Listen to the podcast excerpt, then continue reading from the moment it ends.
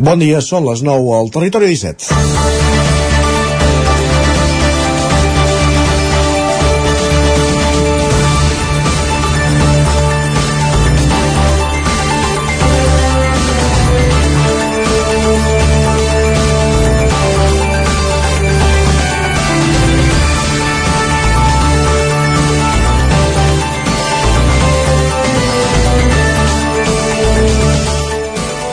Fragment de l'article del filòleg Jordi Badia i Pujol publicat aquesta setmana a VilaWeb. Mònica Barreiras és professora de la Facultat d'Educació de la Universitat de Barcelona. Coneix de sobres, doncs, tot aquest procés d'empobriment, de deteriorament que comença a l'escola i acaba una altra vegada a l'escola. Fa anys, en un magnífic article a VilaWeb, descrivia perfectament, detalladament, les dificultats fonètiques dels seus alumnes, és a dir, dels futurs ensenyants. Hi ha joves estudiants de la Facultat d'Educació que descobreixen a primer de carrera que no saben pronunciar bona part dels sons del català, no compartits amb el castellà, ni S sonores, ni vocals obertes, ni africades sonores.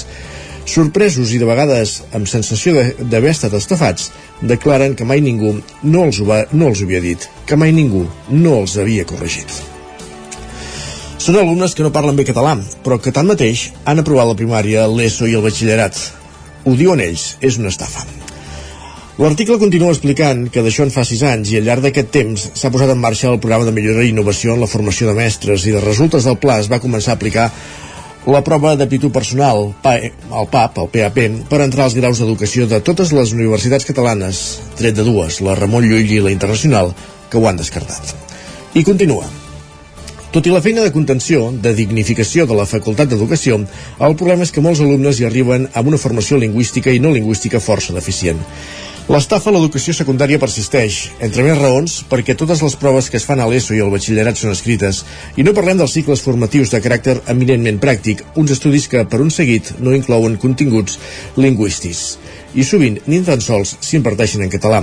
En relació amb les proves de llengua secundària, Barrieres lamenta trobem a faltar una prova oral perquè hi ha bastants alumnes que poden aprovar un examen escrit de llengua catalana però no tenen prou competència oral. I ara situem-nos ja a la universitat. A l'assignatura de llengua del grau d'educació s'avalua la competència oral i escrita, al 50% cadascuna. Però si al carrer l'ús de la llengua és tan migrat i a l'escola i l'institut tota la feina s'ha concentrat en el codi escrit, quina és la qualitat fonètica dels estudiants d'educació? Hi ha alumnes que no han parlat mai català fora de les aules, que no pronuncien ni un sol so del català que no tingui el castellà, diu Mònica Barrieres. Prenem una nota i recordem les dades de comprensió lectora de la setmana passada i posem-hi aquest context demà, quan sortim de la prova de català de la selectivitat sentim repetir fins a la societat que ha estat la més difícil. Territori 17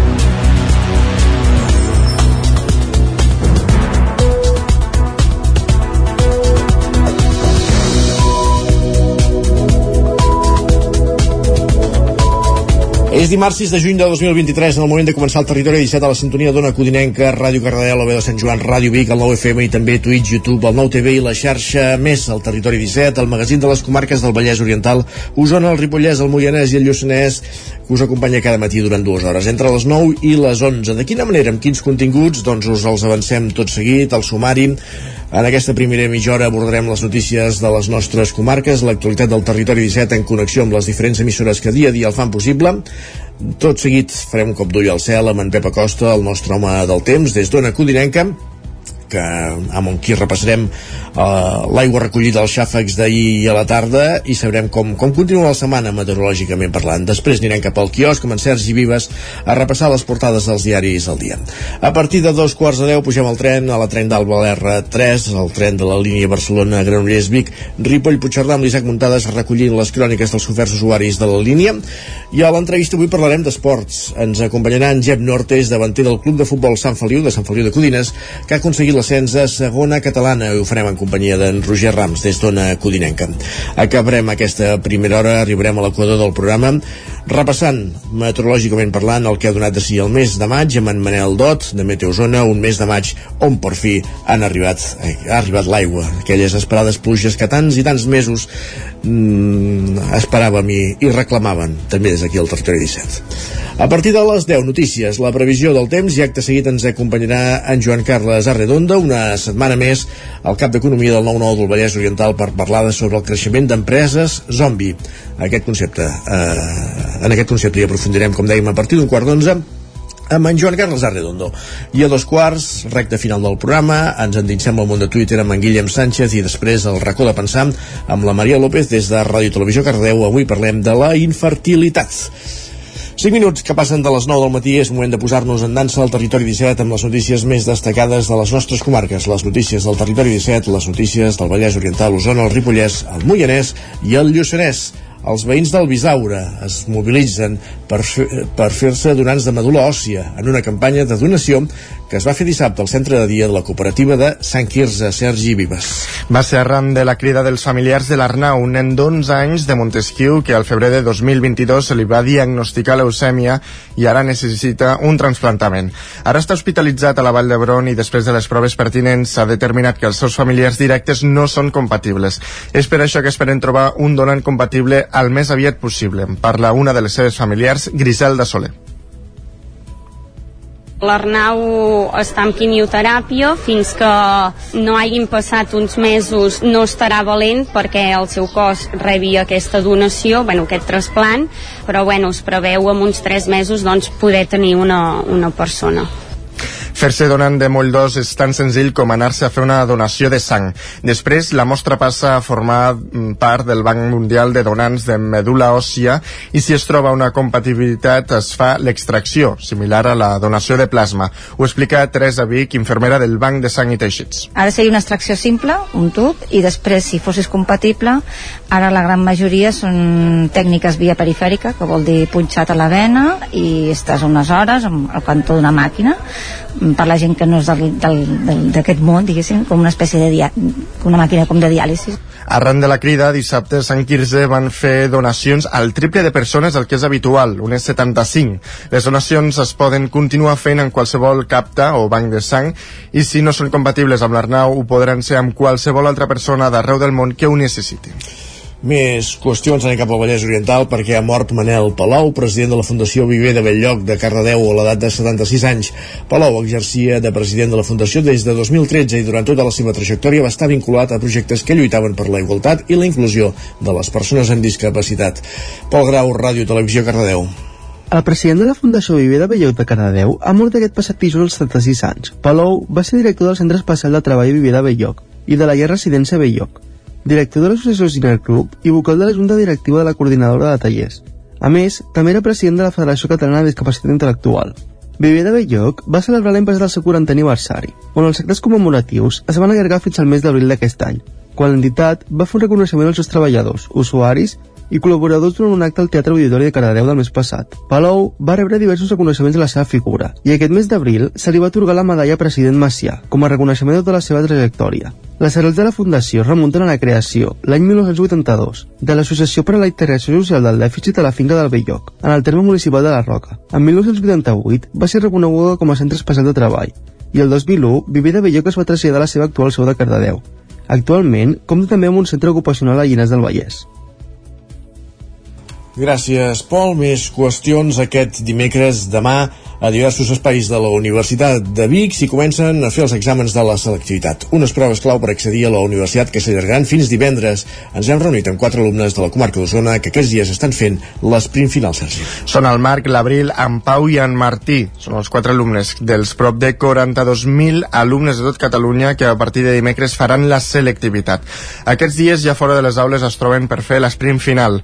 Estudiar amb amics, diuen, els permet concentrar-se més bé. Una prova decisiva per accedir a la universitat on gairebé tots ja tenen clar què volen estudiar. Jo vull fer el doble grau de CAFE amb educació primària que es fa aquí a Vic. International Business Economics, a la Pompeu Fabra, a Barcelona. Uh, a mi m'agradaria fer el doble grau de CAFE i educació primària. Um, estic encara entre unes quantes opcions, però totes tenen a veure amb matemàtiques, que podrien ser pures o una barreja amb una enginyeria. Com és habitual a Osona, les proves d'accés a la universitat es faran a les aules de la Universitat de Vic. Arrencaran dimecres a partir de les 9 del matí amb la prova de llengua castellana i literatura i continuarà amb llengua estrangera. Dijous serà el torn d'història i divendres de la llengua catalana i literatura. A les tardes serà el torn de les assignatures específiques. Per preparar-se, diuen, en Pau i en Martí, és bàsic tenir bons apunts del curs, però també agafar exàmens oficials d'altres anys. Sí, bueno, com que durant l'horari de l'Insti fem exàmens de repàs amb els nostres professors, després a les tardes intentem quedar i anar seguint repassant el que hem fet a classe o buscant d'altres anys o exercicis que hem fet. Sí, és quasi tot, durant tot el curs estàs preparant-te per ara i bueno, és, o sigui, tens per què estar pressionat perquè ara tu jugues quasi tot ara. Els resultats dels, dels exàmens es penjaran el dia 22 de juny. Una vegada publicats els resultats, qui vulgui revisar l'examen podrà sol·licitar-ho del 22 al 26 de juny.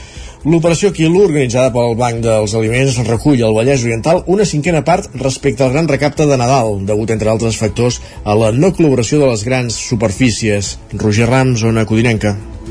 Sí, aquest divendres i dissabte la Federació Espanyola de Bancs d'Aliments, que agrupa tots els bancs catalans, ha organitzat per primer cop un recapte d'aliments a la primavera batejat com Operació Quilo amb l'objectiu d'augmentar les seves reserves. Doncs bé, la campanya, amb un funcionament molt similar al gran recapte que es fa pels vols de Nadal, ha recaptat 22.000 quilos de menjar a la comarca del Vallès Oriental. Això és una cinquena part del gran recapte. L'organització atribueix la davallada de donacions a que les principals cadenes de supermercats han decidit no col·laborar amb el Banc dels Aliments clients. Tot i que la xifra és força baixa, permet als bancs, això sí, respirar una mica més alleugerits. Ho explica el president del Banc dels Aliments del Vallès Oriental, Joan Hidalgo. En general podríem dir que bueno, ha sigut justeta, però tenint en compte la participació de cadenes, doncs, bueno, mm, amb, els que, amb, els que, amb les cadenes que han participat, doncs, eh, bueno, ha sigut justeta però ha anat força bé. Tenint en compte de que eh, hi ha cadenes grans que no participaven. Aquí al Vallès haurem recollit uns 22.000 quilos. Tot el banc de carta que em recollien 90-100.000 quilos, imagina't, és una, una cinquena part. Hidalgo explica que la manca de difusió d'aquesta campanya els ha afectat, ja que molta gent que habitualment fa donacions no se n'ha assabentat. El mateix ha passat amb els voluntaris.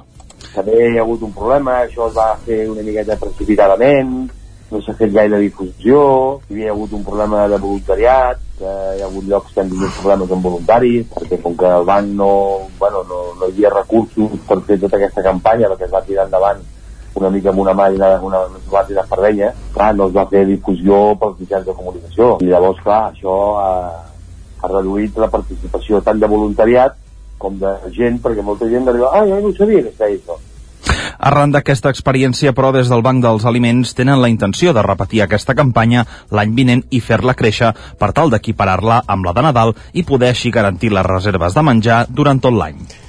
Gràcies, Roger. Obrim ara la plana cultural. El so de les cases tanca la setena edició amb èxit de públic. Pels 12 escenaris que durant tot el cap de setmana s'han habilitat en diferents punts de la ciutat de Vic i han passat artistes com Enric Verdaguer, Jordi Domènech o Gemma Humet. Les grans novetats de l'edició s'han concentrat al carrer de Gurb i a la Torre d'en Frank, Sergi. Els dos escenaris que aquest cap de setmana conformaven la, seten, la setena edició del So de les Cases i han passat prop de 10.000 persones. Amb núvols i trons com a decorat divendres, la proposta arrencava amb una de les novetats. L'espectacle infantil que va desplegar-se a la Torre d'en Franc. El grup Com Sona va poder actuar en un dels pocs escenaris a l'aire lliure de l'edició on la pluja va fer la guitza però no va aconseguir espan espantar el públic. En parlen dos dels seus membres, Oriol Aguilar i Marçal Ayats aquests espais s'obrin a la gent i puguem fer petites no, concerts de petit format i tal i a més, en el nostre cas, doncs, pels nens, doncs increïble fantàstic. Doncs són cançons de tota la vida, però rearranjades amb diferents estils. Fem alguna cançó bossa nova, alguna cançó més rock, alguna cançó més hip-hop, entre moltes cometes, tot això i en ple nucli antic, la Sala dels Armats de l'Església dels Olors va ser un altre dels emplaçaments que aquest any s'estrenaven com a escenari de so, del so de les cases.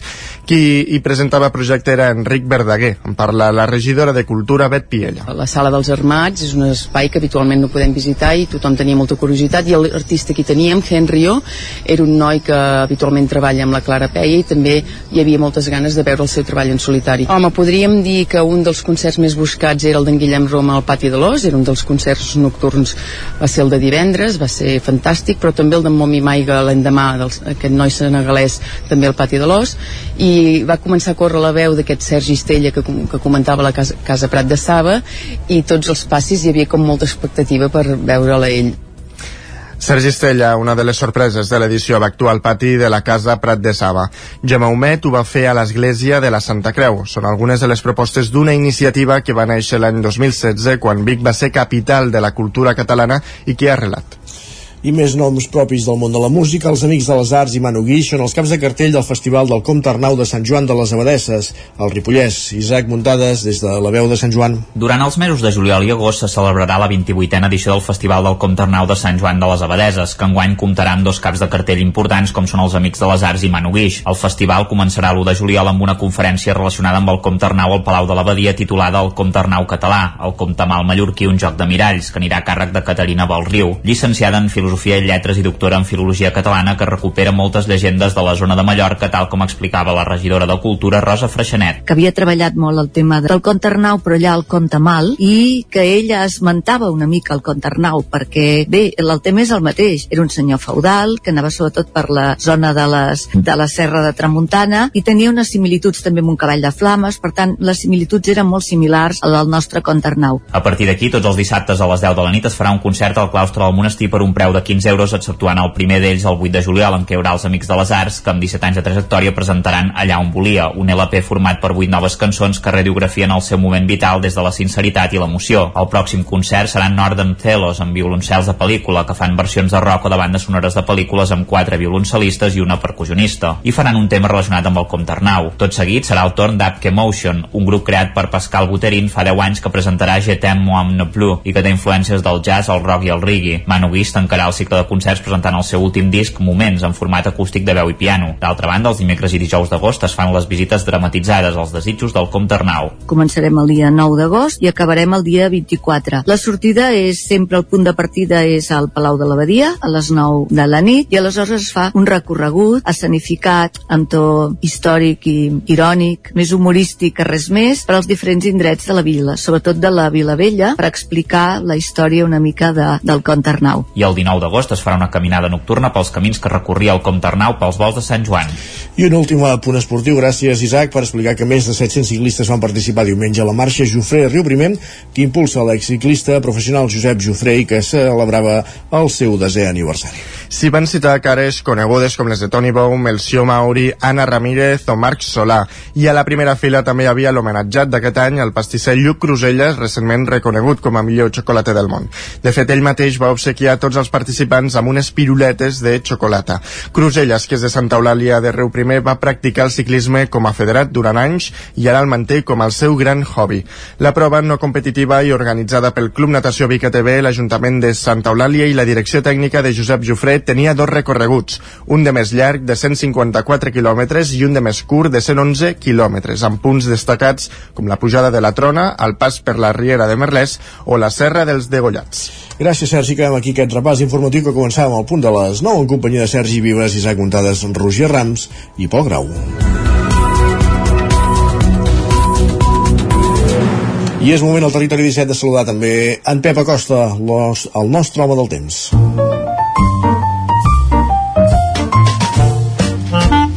Casa Terradellos us ofereix el temps. Perquè vam, volem saber els litres que vam collir ahir d'aigua i volem saber si aquests xàfecs continuaran en les properes hores, els propers dies. Pep, benvingut, bon dia. Hola, molt bon dia a tothom. Estàs content, eh? Què tal? Com esteu? Bé, home, bé, Com tu? comença aquest eh, dimarts?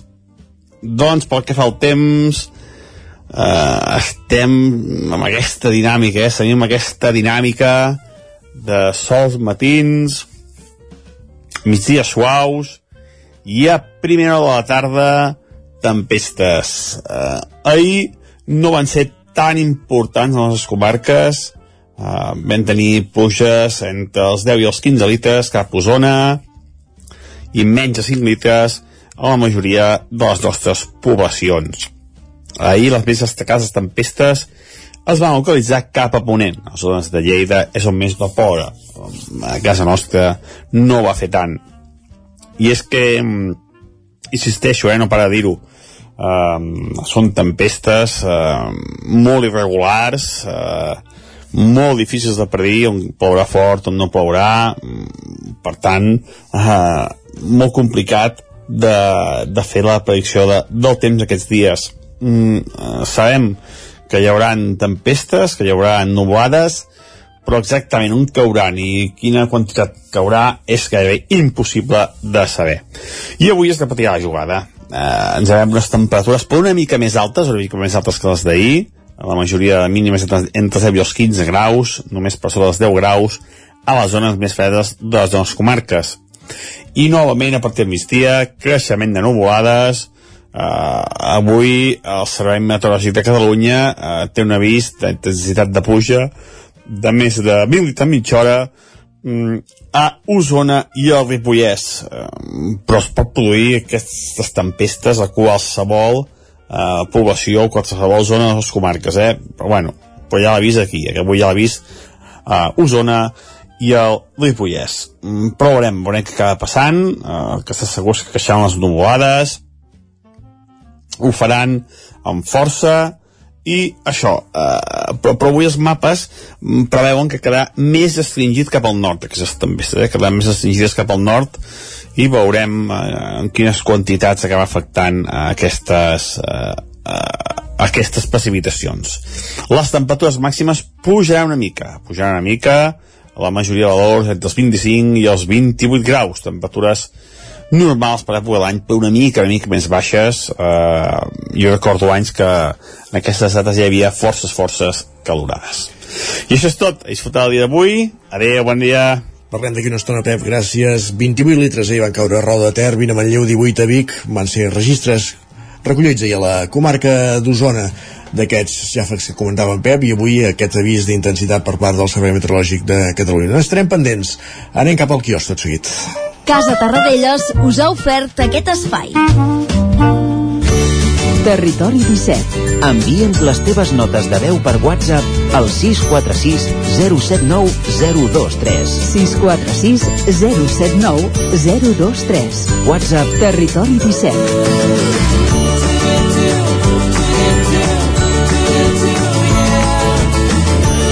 Territori 17. Som a Facebook, Twitter i Instagram amb l'usuari Territori 17.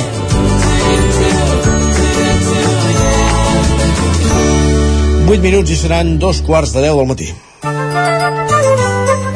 I com dèiem, és moment d'anar cap al quiosc amb en Sergi Vives per repassar quines són les portades dels diaris del dia. Per on comencem avui, Sergi? Doncs va començant pel punt avui, que em catxa la portada amb el titular Calor, plagues i, ca i gasos. Expliquen que hem tingut la primavera més seca en 30 anys i a l'estiu ens castigaran les paneroles.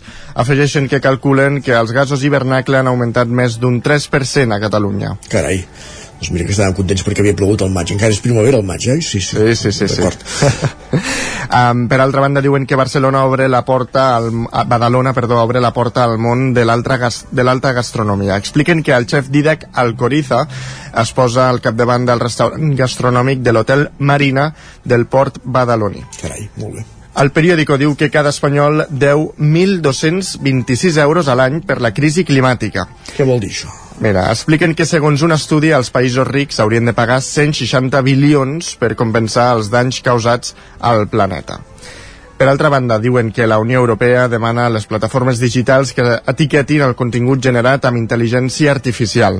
Expliquen que Brussel·les demana a les grans plataformes com Meta, Google, Microsoft o TikTok que compleixin un codi de bones pràctiques. Twitter ja se n'ha desmarcat, de fet, eh? Sí, sí, sí. Um, la Vanguardia diu que Rússia dona per iniciada la gran ofensiva ucraïnesa i Kiev guarda silenci. Expliquen que Moscou assegura que ha repel·lit l'atac i ha matat 250 soldats, però caps militars sobre el terreny admeten que la situació és preocupant. I tant l'Ara com el País destaquen els, les mateixes notícies, diuen que Sánchez desafia Feijó a fer sis cara a cara expliquen que el PP considera que la proposta és una excentricitat però no es tanca a celebrar algun debat a dos.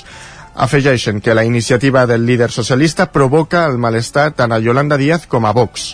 I seguint a, amb aquest tema, la Razón diu que Sánchez gira el bipartidisme, amb l'objectiu de borrar els seus socis i centrar en la campanya entre ell i Feijó. El diari també eh, afegeix que sorprèn que el PSOE no accepti que el problema és el desgast i els seus aliats. Per altra banda, tant l'Ara com el País també destaquen que el pare de Messi confirma que el seu fill vol tornar al Barça. Expliquen que Jorge Messi es reuneix amb la porta a Barcelona. Jo vull la lluna, també. Va, que... Jo... Um, seguim amb l'ABC que diu que Alemanya frena la ingerència dels seus diputats a Doñana. Expliquen que el govern rep els parlamentaris però l'ambaixada evita que visiten Huelva alegant ara que no han d'interferir en el 23J amb el boicot a la maduixa que ha recolzat la Moncla. El boicot a la maduixa. Un altre La cop, la maduixa torna a aparèixer Sí. als, als títols. Bueno, en fi. Um, el Mundo uh, diu que l'exministre de Justícia, Dolors Delgado, demana assumir en la seva macrofiscalia matèries que porta Garzón. Expliquen que l'exministre proposa impulsar casos de justícia universal i de drets humans, l'especialitat del despatx de la seva parella. Afegeixen que els fiscals denuncien un conflicte d'interessos. I un dels últims uh, titulars que trobem avui a les portades, uh, també al Mundo, diu que la Guàrdia Civil sospita que els pagaments a Negreira anaven a directius del Barça. Expliquen que considera que eren sobresous per part de la cúpula. És a dir, el Barça pagava uns diners Negreira i amb aquests diners Negreira els treia dels, de, els pagava directius del Barça, carai. Una mica que, que rebuscat, rebuscat, no? Sí, no sé. Bueno, sí. Clar, no, no he llegit la notícia, però bueno, en fi, una mica... També és la manera de justificar que d'aquesta manera aquests diners no servien per pagar àrbitres, però vaja, en fi. Uh, falta 4 minuts perquè siguin dos quarts, un minut per la pausa, repassem digitals a l'edició d'Osona i el Ripollès del 99.cat. Doncs mira, ens expliquen que la Nino Taire, Pilarín Vallès i el periodista Marc Güell recorden el seu pas pel centre educatiu ara que celebra el 160 aniversari i s'ha estrenat una exposició retrospectiva. Parlem de l'Escorial. L'Escorial de Vic, correcte, que celebra 160 anys i apareix al 9-9 aquesta fotografia d'aquests dos alumnes il·lustres, Pilarín Vallès i el company periodista Marc Güell. I a l'edició del Vallès Oriental? Doncs ens expliquen que el naturalista Martí Boada cedeix una part dels seus fons a Llinars. Doncs vinga, Llinars que, que disposarà d'aquests fons del naturalista i home de referència en matèries com els boscos i altres aspectes naturals Martí Boada. Gràcies, Sergi. A tu. El que fem tot seguit al Territori 17 és una petita pausa, res, 3 minutets i de seguida tornem pujant al tren, a la tren d'Alba, recollint les cròniques dels usuaris de l'R3 i després a l'entrevista, parlant d'aquest ascens del club de futbol Sant Feliu de, Sant Feliu de Codines. Fins ara mateix. El nou FM, la ràdio de casa, al 92.8. Ja tenim aquí la rebella de Sant Joan. Prepara't! A Manli seleccionem el millor en pirotècnia, bateries, bengales, trons, coets, els millors preus, ofertes tots els dies de rebella i tot l'any. Visiteu el catàleg a manli.cat. Manli, al carrer Ramon Soler, telèfon 93 889 0484. Vic, Sant Joan, ja és aquí. Quan tingui un problema amb la seva caldera, vagi directament a la solució. Truqui sempre al servei tècnic oficial de Saunier Duval i despreocupis, perquè som fabricants i coneixem les nostres calderes peça a peça. I ara aconseguiu fins a 250 euros en canviar la caldera. Informeu-vos al 910 77 10 50 o a saunierduval.es. Davant l'escassetat hídrica, fem un consum responsable de l'aigua, perquè cada gota que estalviem serà una gota més per al planeta. No et quedis sec. Tanca l'aixeta. Akbar amb tu.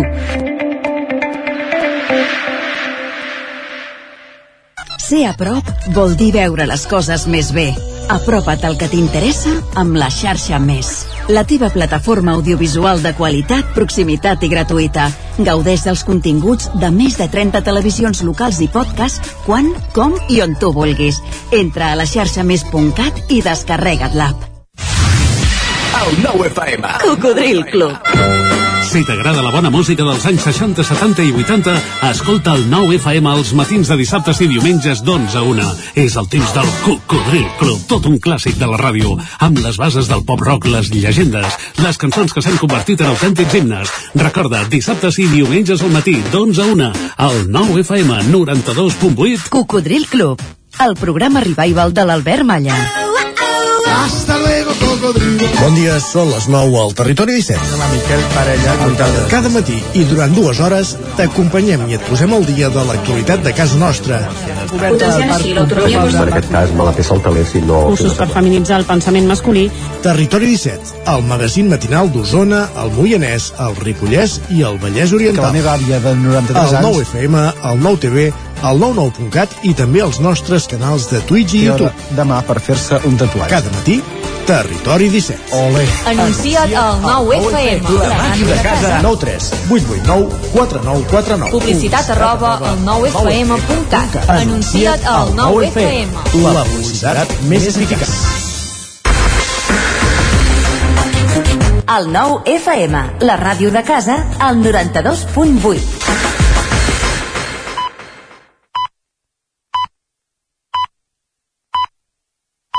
Territori 17.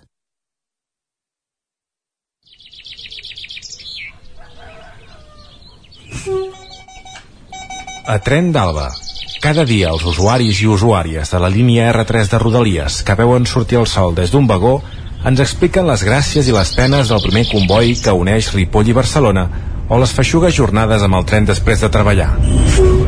Benvinguts a Tren d'Alba. Avui tenim en Jordi Valls força nostàlgic perquè ens parla de trens antics que encara són funcionals i operatius. Us deixo directament amb ell. Bon dia, sóc en Jordi de Centelles. Avui us en parlaré de la granota. La granota no és un bitxito que tinguem al parc o al jardí, no. La granota és un tren de ferrocarrils de la Generalitat de Catalunya que feia el servei de plaça Catalunya Terrassa o Sabadell. I fun va funcionar fins als anys 80 és aquell, un de color verd li diuen granota perquè portes dos llums a sobre i semblen els ulls d'una granota. Doncs aquest tren ha estat restaurat eh, actualitzat perquè els sistemes eh, ferroviaris s'actualitzen i els caps de setmana presta servei per la línia de Sant Cugat. És un tren històric que circula, és xulo d'aquells de fusta eh, elèctric, amb les finestres que es baixen, amb aquella olor de, de la història. Eh, bona iniciativa de Ferrocarrils. Al web de Ferrocarrils ho podeu trobar. També sempre en parlo del Museu de Vilanova i la Geltrú, que és un museu xulo.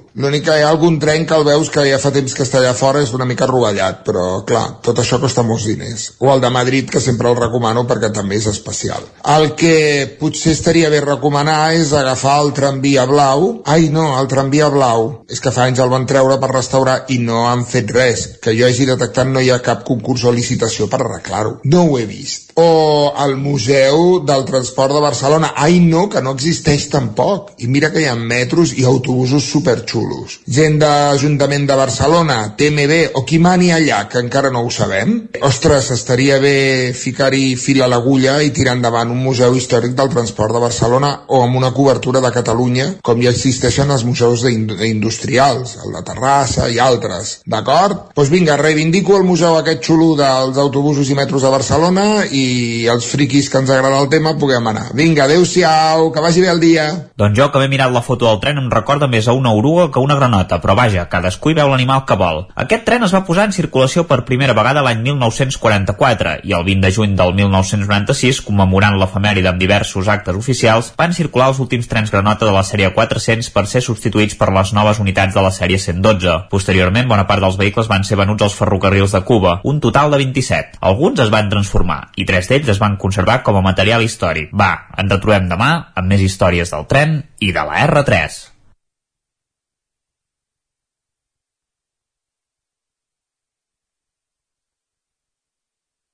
Territori 17, el 9 FM, la veu de Sant Joan, Ona Codinenca, Ràdio Cardedeu, Territori 17.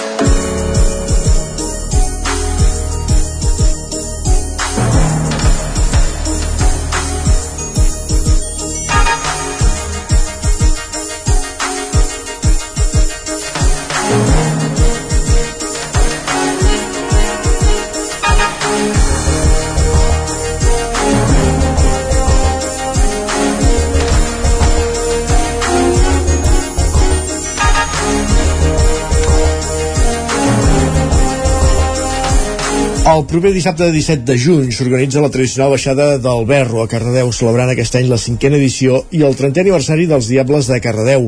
Un recorregut de 27 quilòmetres coneixen el Coll Formic, a Osona i Cardedeu. I avui, per parlar-ne, ens acompanya en Pol Grau, de Ràdio Televisió Cardedeu, també el Guille García Díaz, dels Diables de Cardedeu. Abans, sense més, com dèiem, saludem primer de tot en Pol Grau, als estudis de Ràdio Televisió Cardedeu. Pol, benvingut, bon dia.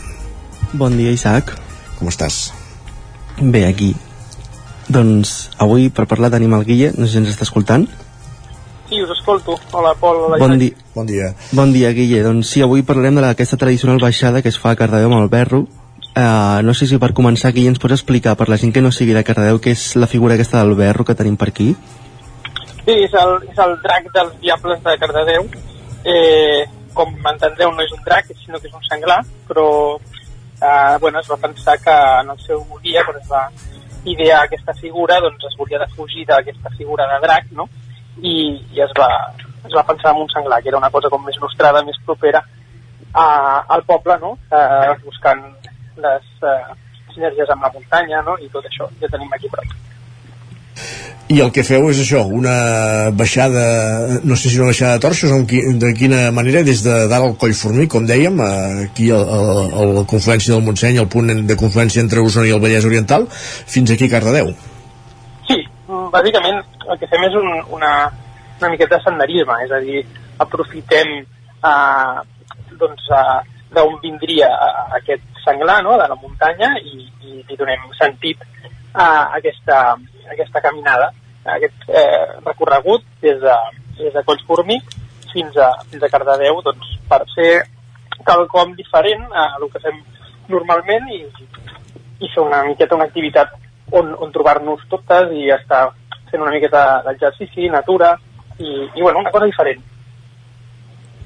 No sé, del, des dels Diables, quan, quanta gent organitzeu el recorregut? Quanta gent sou que organitzeu aquest recorregut des dels Diables? Aviam, eh, organitzar-ho com una petita comissió que hem estat muntant tot l'acte, però en les diferents edicions doncs, hi ha hagut més o menys participació, potser per la novetat la primera edició va tenir bastant de, bastant d'afluència i després doncs, ja ha anat com decaient i de fet per això també vam deixar de, de fer la, la baixada. I bueno, ara creiem que era un bon moment com per recuperar-la amb els 30 anys. I vam, fer una, vam pensar en alguna cosa diferent també que era eh, convidar una altra, una altra bèstia a fer el recorregut amb nosaltres i compartir també aquest recorregut, aquesta estona de, de senderisme per la natura amb la, amb la bèstia, sense foc, òbviament, no? perquè estem caminant per, pel Parc Natural del Montseny, doncs, doncs així eh, compartir amb una, altra, amb una altra colla, que en aquest cas és la colla de Cabrils, que també tenen un, un senglar.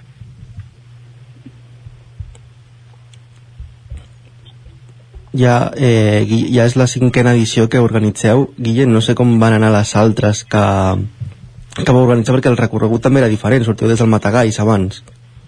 Mm, bueno, aquí hi ha un punt, sí, és, és, mm, la qüestió és que nosaltres dèiem Matagalls, no? però, però realment Matagalls ho fa un petit eh, grupet de persones que, que fan la, la majarada de, podríem dir, no? de, de pujar fins al cim des d'un punt indeterminat, eh, pernocten a prop del cim i baixen i aleshores es troben amb, amb la gent que ve amb l'autocar, que s'ha inscrit, que ha pagat el, la seva inscripció, la seva, la, per tenir pues, tot el que hi ha durant tota la baixada, no? que hi ha diferents parades on es menja i es veu, que col·laboren diferents eh, comerços de, del poble i, i aleshores doncs, eh, és això, no? s'ajunten les persones que han fet aquesta pujada al cim, al Matagalls, que han pernoctat i, i a primera hora, a primera hora del matí, doncs, quan arriba a l'autocar, allò quart de vuit, a, a Collformic, doncs es troben amb, amb el senglar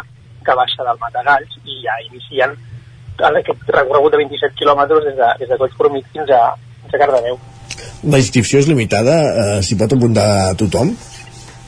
Sí, i aviam, hi ha un límit d'inscripcions perquè també tenim un límit de d'aforament al- als autocars. Eh, enguany ho havíem ampliat bastant perquè hi hem pensat també doncs, això que si hi havia gent de Cabrils que com que ve a, a, la- al Brolla, que és el, el senglar d'allà, doncs que podia haver-hi gent interessada de, de Cabrils a, a fer també aquesta, aquesta activitat, doncs un autocar vindrà des de, des de Cabrils a les 6 del matí i, i a quarts de set estarà a Cardedeu per, per anar en comitiva com si diguéssim no, tots els autocars cap a, cap a, cap a Collformic. En principi nosaltres havíem pensat uns 150 inscrits, eh, de moment estem, estem per la meitat, més o menys, i ara hi ha hagut com una miqueta de moviment, però sembla que la gent fins l'últim moment no, no acaba d'apuntar-se, així que ens podem trobar a l'últim moment que eh, ens quedem sense, sense places i, i haguem de dir a la gent ostres, que, no, que, no, que no hi ha lloc, no tindríem marge de, de, de resposta, no? perquè si s'apunta en l'últim moment, doncs des d'aquí fem crida que, a que ho facin amb temps, amb antelació, per assegurar la plaça, i també hi ha un nou, un nou format aquest, any, que és que des de, des de Sant Hilari, que és un dels punts per on, per on passa el recorregut, eh, ja cap al final del, del, del que és el, el recorregut, doncs eh, s'ha ofert l'opció d'inscriure's només al dinar i vermut, que és el que es fa en aquella parada, eh, per tota aquella gent, doncs, per exemple, famílies o gent que no pot fer o no pot fer aquest recorregut de 27 quilòmetres, que entenem que, que també és una cosa doncs, exigent, no? entre cometes, no? eh, doncs que pugui participar també d'una altra manera, no? Clar, és que segons el Maps aquí la ruta em surt que són 5 hores i mitja caminant. Clar, portant el berro a, a, a coll és, pesa bastant, no? Sí, el berro pesa uns 48 quilos i, bueno, la gràcia també d'aquest esdeveniment és que la gent que s'apunta doncs, pot eh, provar no, en, en la seva pell que és carregar el berro i, i dur-lo una estoneta, no? I de fet, bueno, eh, és el que va fer, no? Constantment hi ha gent que, que demana relleu i, i va passant per sota de, del senglar i el va portant una estoneta. Entre quants el porten, el berro? El berro és portador únic. únic. És una, una sola persona i, i doncs aleshores doncs, es van fer relleus d'una no, persona. Uh -huh. eh, repetim els horaris, eh, si et sembla, Guilla. Eh, és a dir, de, deies que a les 8 sortien els, els autocars de Cardedeu. A quina hora és la sortida? No, no, no és més d'hora, més d'hora. és bastant més d'hora perquè la idea és arribar a dinar eh, allà a Cardedeu, aleshores eh, eh, són dos quarts de set eh, que surten els autocars de, de la de l'estació de tren de, de Cardedeu. Sí a dos quarts de vuit estan a Collformic i, i res, allò que arriba al Sanglar i ja s'inicia la, la marxa fins a, fins a la primera parada, que és el Pla de l'Asa Mort.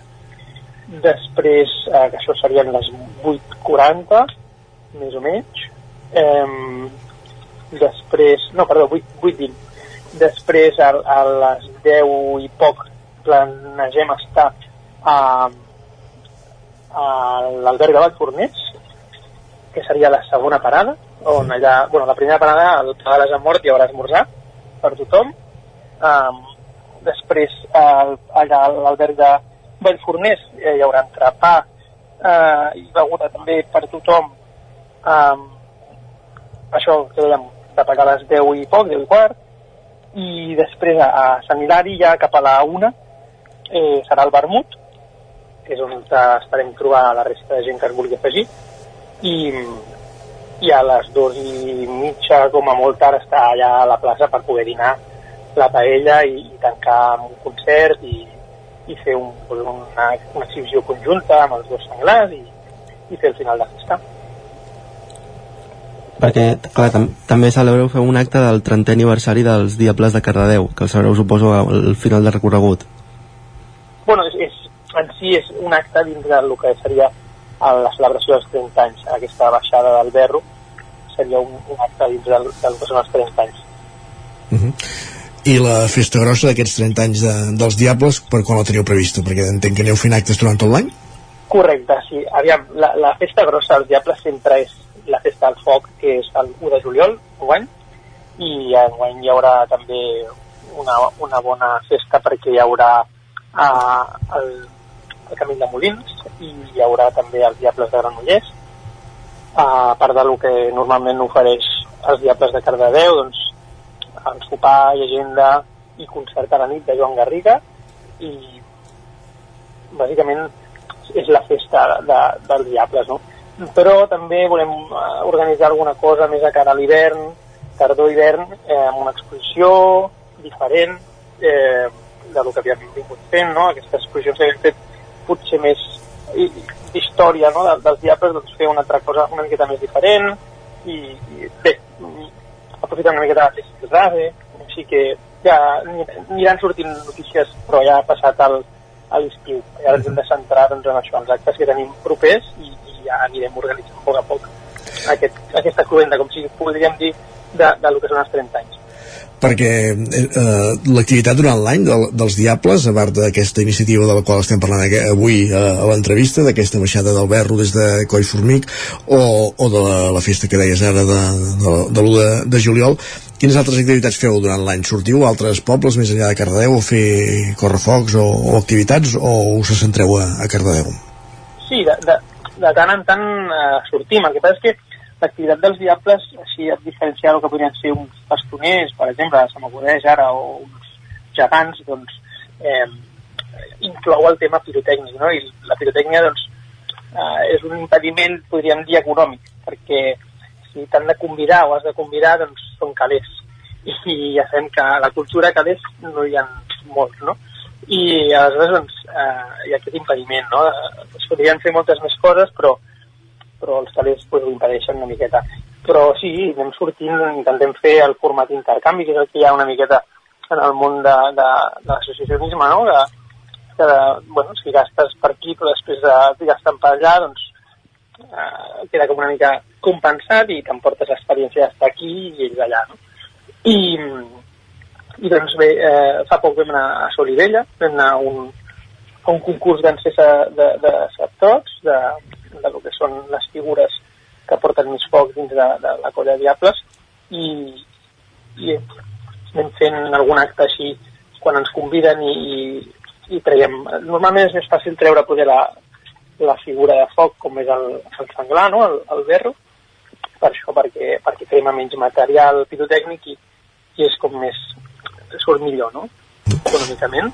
És fer la sortida, normalment és menys gent, per portar-lo no cal tanta gent, no? Per fer un correfoc potser és més, eh, hi ha, hi ha moltes més persones no? implicades, en canvi per portar una, una bèstia doncs és més, eh, hi ha menys persones implicades no? I, i bé, i durant la festa major doncs També és com també l'acte central, no? a l'agost fem el correfoc aquí a Cardedeu surten totes les, les seccions de, de la colla, dimonis, garrins i seria com l'acte central també, no? a part de la festa del foc.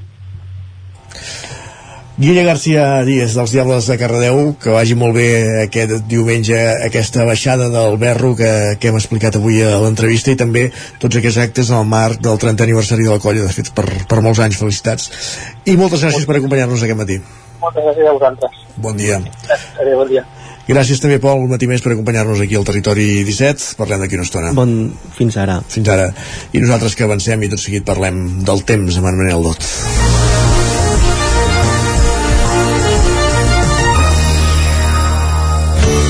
Territori 17. Envia'ns les teves notes de veu per WhatsApp al 646 079 023. 646 079 023. WhatsApp Territori 17.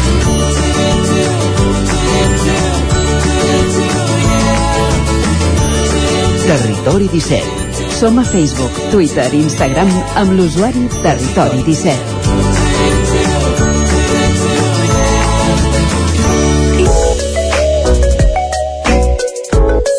12 minuts perquè siguin les 10 i com fem cada dimarts al Territori 17 dediquem aquest últim espai abans d'arribar a la coda del programa al medi ambient, a la natura, a l'energia i avui ens toca parlar també de meteorologia, com fem un cop al mes amb en Manel Dot de la xarxa d'observadors meteorològics d'Osona, del Meteo Osona, per repassar, que ha donat de el mes de maig, el mes que acabem de deixar enrere. Manel Dot, benvingut, bon dia.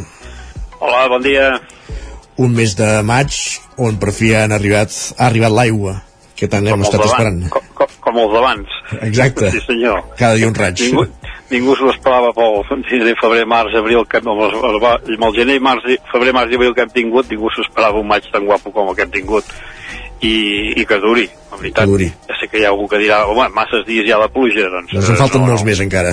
En falten més, en falten més. Ja hem aguantat molt, molt, molt temps eh, amb sequera, deixem que plogui. De totes maneres teníem una treva. Eh, sí, fem, fem una repassada doncs, el que ha estat eh, aquest mes de maig, eh, o de la dita popular de pel maig cada dia un raig és ben certa, eh, aquest, almenys aquest any sí, Sí. i, i destacar, per exemple, doncs, fem una repassada, com sempre, per, per l'estació d'aquí de Vic. Eh, hem tingut 16 dies de pluja. Eh, el dia que va ploure més va ser el dia 11, eh, 36,2 litres. El total de pluja del mes ha estat de 124 litres. La mitjana de, de, de Vic i en general la plana és de 85 litres. Eh, hem tingut 7 dies de boira, allò que dèiem, si, si no hi ha humitat, no hi ha boira. Eh, aquests dies ho veiem prou, que pràcticament cada dia tenim, tenim algun banc de boira, un pasto altre, un lloc o altre. Eh, de tempestes n'hem tingut de 6, dues amb calamarsa, de sort ha ser calamarsa petita, i eh, el que fa temperatures, doncs la màxima va ser el dia 6 amb 27,9, el mínim el dia 17 amb 3,3, i la mitjana, eh, de moment la climàtica és de 15 i mig, no, no hi ha massa diferència, i el que és eh, el cop de vent més fort va ser el dia 18 amb 53,1 litres. Un maig doncs que, que ha anat fent... Bueno, tenim la, la, o sigui això, eh, les situacions que teníem abans eren totes de sud, el que dèiem, no? hi havia l'anticicló sobre nostre, no marxava ni tiros, i a més a més tot el que ens venia ens venia de, eh, de sud, i això ens pro- provocava doncs, aquestes pujades de temperatures, que les mitjanes, per exemple, han estat totes per sobre eh, eh, el que li tocaria els últims mesos, i en canvi doncs, eh, el, aquesta la situació ha canviat eh, se'ns ha situat l'anticicló a sobre, o sigui, de Suïssa en amunt i a partir d'aquí doncs, eh, totes les pertorbacions doncs, eh, baixen, baixen cap a passen entre la península i, i venen cap aquí a casa nostra. A part, a part de que hi ha un flux d'aire fred que ens entra i això fa doncs, que creixin aquestes nuvolades de tarda i ens donin aquests ruixats i tempestes. O sigui, tenim eh, l'ambient perfecte doncs, perquè a partir, o sigui, sol de matí i a partir del migdia doncs, eh, hi ha el creixement d'aquestes nuvolades a part de les perturbacions que ens van passant. Un, un mes de maig per tots aquests motius que ara explicaves marcat per l'aigua i si el comprem al mes de maig de, de, de fa un any eh, l'altre dia ho comentàvem amb alguns companys aquestes alçades d'any hi havíem tingut algun cop de calor i tot eh, per tant aquest 2023 les coses van al seu lloc si més no, no? Sí, aquest 2023 de moment eh, el mes de maig sí. I el, i el que hem començat del juny també. Eh, marca, marca bé, marca molt bé. Ara estava mirant a veure si trobava el, el de l'any passat. Eh, no ho tenia preparat però bueno eh, era, o sigui, havíem tingut eh, final, que a finals de maig havíem arribat a 39 de, de, de temperatures màximes i poder una mica més i tot. Hauria, hauria de mirar-ho. Eh, el que sí que o, o no ho he passat també les pluges generals temper temperatura s'ha mantingut doncs, eh, el, que toca en, en un mes de maig o el que tocava almenys el mes de, o, o els anys enrere no? I, el, i el que fa de pluges eh, destacar també eh, la zona que, que plovia menys que hem dit que, que estava més seca i que estava més còmoda que era la banda sud tot el cantó del que és el Montseny bueno, Cabrerès també de eh, el, el, que és el Montseny el que és el sud de la comarca, Centelles, Hostalets eh, a dalt Cotxespina també eh, doncs eh, aquest cop ha arreglat bastant, perquè per exemple a Viladrau eh, la pluja total del mes de maig ha estat de 168 litres, aviat és dit sí. de fet és el que li tocaria en un mes de maig uh -huh. eh, a Hostalets de Balanyà 152,8 a Taradell 149 eh, tenim per exemple el Pens bé anem a l'altre extrem eh, allò, el Lluçanès amb 126,8 litres. Eh, a la banda de Vidrà no tant, però déu nhi ja, ja hauria d'haver fet més, ha fet menys 79,6 litres, eh, parlem del mes de maig a Rupit 20 89,2 i per exemple a Tabertet amb 88,4 litres. Eh, Vic ens ha quedat amb els 124 litres que déu nhi eh, ja passa de la, de la, del que ens tocaria són dades de- d'aquest mes de, de maig. Sobretot destaca la, pluja i pel que fa a temperatures també ja, ja les hem repassat amb en Manel. Sí, normal, sí. Temperatures normals per l'època i acompanyades de, de, i- i refrigerades per, aquesta, per aquestes patacs aquesta d'aigua. pluja diària quasi bé, sí. Uh, destacar, com he dit, el Ripollès, uh, Ripoll també, tot i que a la banda nord uh, ens ho ha fet menys, uh, i convindria que ho fes més, però ens ho ha fet menys, uh, total, o, el Ripoll, per exemple, són 112,4 litres, vull dir que déu nhi I uh, destacar, bueno, els rius, uh, molta gent diu, oh, però no baixa aigua pels rius, els pantans no s'omplen, bueno, el de Sau ha pujat el doble del que teníem, eh, teníem 6 i mig, em sembla que era per cent, eh, en tenim, en aquest moment en tenim 16,9, ha anat pujant de mica en mica i és gràcies, bueno, a, a, això, vol, això ens vol dir que, que els rius comencen a baixar una mica i que la terra ja està doncs, eh, bastant xopa, no tot arreu, perquè encara falta, falta, hi falta molta, però déu nhi o sigui, ara l'aigua segurament que ja ho comencem a veure a baixar, a baixar pels rius. Uh, de fet és això, hi ha dèficit hídric arreu, no només als rius, també -hmm. als aquífers, a la terra, a la vegetació, i tots aquests van a la que tenen aigua, doncs tothom va, va replegant cap a, cap a casa seu. Uh, I al vespre i aquest matí el riu Ter baixava maco, eh, per si més no, per, per Roda de Ter, per tant suposo que una mica uh, a l'efecte també de la pluja a les capçaleres, però també que això, que ja comença a haver-hi aigua uh, en aquests llocs on també hi havia dèficits, no? Sí, home, i també pensem oh, és que el, el mes de juny va, va acabar el maig amb ruixats i tempestes però és que el mes de, el mes de juny bueno, més i tot, jo diria que més del que li tocaria perquè les tempestes pel mes de maig no és pas que n'hi hagin, hi hagi masses masses. Eh, n'hi ha més per, per, per mi aquest any ha més del que li tocaria. Eh, perquè generalment el mes de maig sol ser mes de, de pluges eh, força generals i generoses o tipus llevantades i, i aquest any ja més, som, som més en, en plan tempesta. Uh, o, el que en parlaves d'ahir doncs home, les, cada, cada durant tots aquests set dies que han passat del, del mes de juny, a finals de maig i mes de juny doncs eh, a un lloc o altre han anat regant. Amb, amb pluges doncs en alguns punts més de, de 40 litres per metre quadrat. No sé, aquí per exemple el, el diumenge mateix eh, a la Guixa, Sant Olai del Riu Primer van caure 20, 20 litres, 22 litres, a la Guixa en van caure que eren, eren 16 o 17 17 uh -huh. litres sí. i a Vic en caien 1,6 i a Vic, si mirem a Vic, és que, és que pràcticament es platica prou per barris perquè sí, si sí. mirem a Vic mateix ahir eh, van caure aquests 17 litres eh, perquè he apuntat 16,2 litres a la zona esportiva i en canvi doncs, eh, a, altres punts doncs, en queien 7-8 litres el diumenge mateix, el diumenge eren a Vic en va caure 1,6 i, i a la Guixa en caien, això que us deia, 16-17 litres. I fi, eh, això mateix va, passar, va passar ahir, el, el que és el, el cantó de la Gleva van caure, no, no, no, el diòmetre manual eh, eren 42 litres, eh, Santa Cigui de Voltregà em sembla que eren 35, eh, cap a la banda de, de Roda, eh, Roda de Ter 27 amb 8, amb Manlleu 21 amb 6, Agur 20, 20 amb 6, Tavernes, per exemple, també amb 29,8, i, i en canvi, doncs, eh, altres punts doncs, queia doncs, molt poca aigua. O sigui, agafa una, agafa una, una zona i aquella zona doncs, era, prou per barris, uh -huh. poques paraules. De fet, alguna hora ens hem trobat, per exemple, entrar a Vic pel, pel, pel polígon Malloles i que allà està diluviant i entres, arribes al centre i no ha caigut ni, ni una gota d'aigua. Vull dir que és, això, és el que dius, per barris. És el que volia dir ara, bueno, que t'estava explicant més o menys ara. Sí, sí. Manel Dot, doncs moltíssimes gràcies per acompanyar-nos un cop més, un mes més per repassar eh, el temps que ha fet el, el mes que deixem i ens tornem a saludar d'aquí un meset per parlar d'aquest mes de juny que també, com bé apuntaves, comença bé, comença plujós de moment ha començat molt bé. Ha, hi ha alguns punts que ja passen de, dels 80 litres. Vull dir que déu nhi Que duri. Gràcies.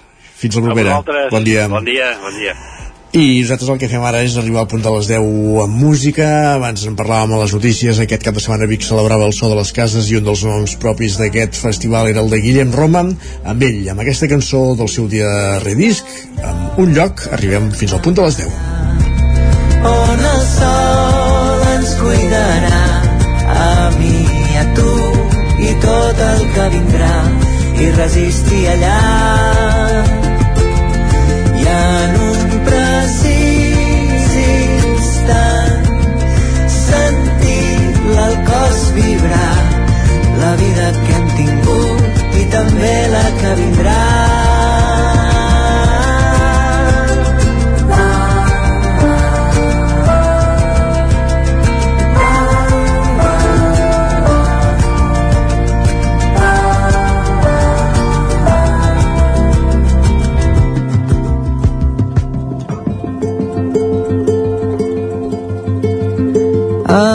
Els colors els boscos estan brillant. Hi ha tants camins per poder anar inventant. Tots portem a dins un món antic que t'explico a l'ombra d'aquell vell arbre amic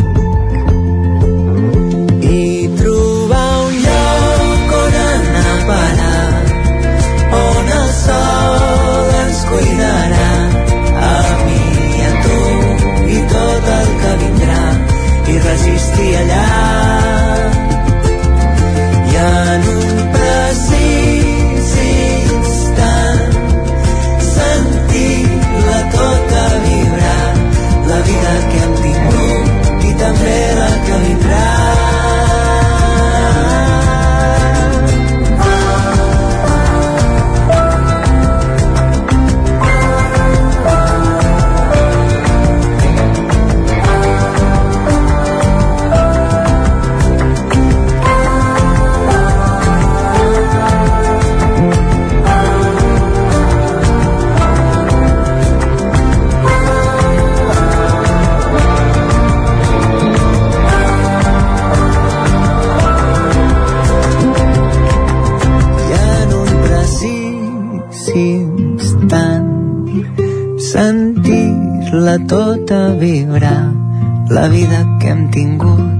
i també la que vindrà ah.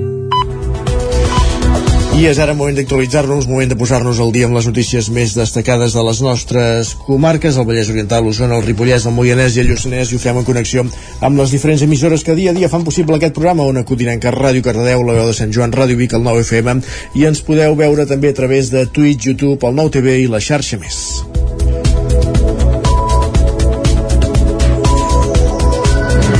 Per explicar-vos a aquesta hora com passa mig minut de les 10 del matí que la Fundació Sociosanitària Santa Susana de Caldes de Montbui es consolida com a principal centre d'atenció público-privat del poble i una referència a nivell comarcal. Roger Rams, zona codinenca.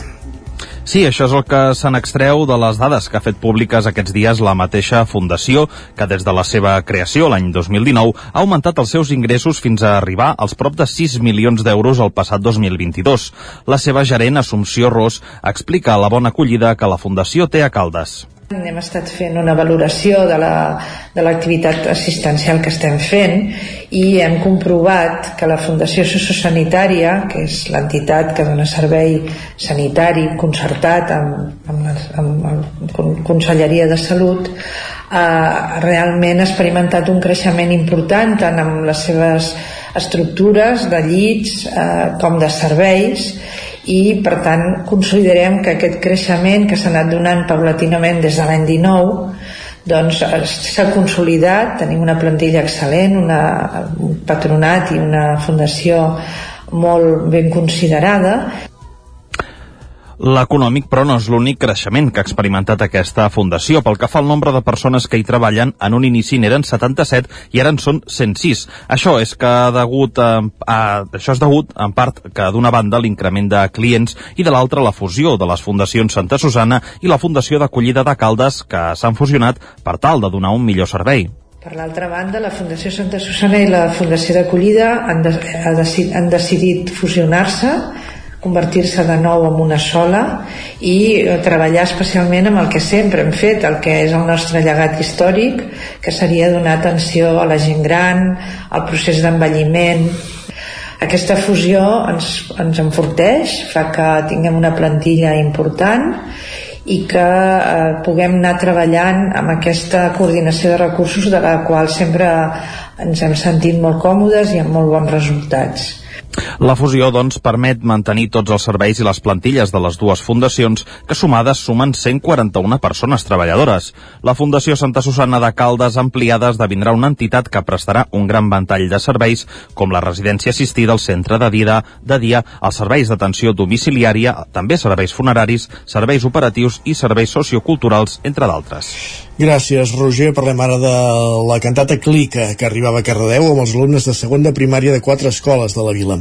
Una cantata en la qual aquest any hi participen més de 400 escoles i més de 10.000 nens de tot Catalunya. Pol Grau, Ràdio Televisió Cardedeu. Més de 10.000 nens i nenes de tot Catalunya han preparat al llarg del curs la Clica, la cantata adreçada a nens i nenes de segon de primària. Ens explica la Laia Rovira, directora de la Clica. A través de les seves cançons eh, es treballen diferents valors.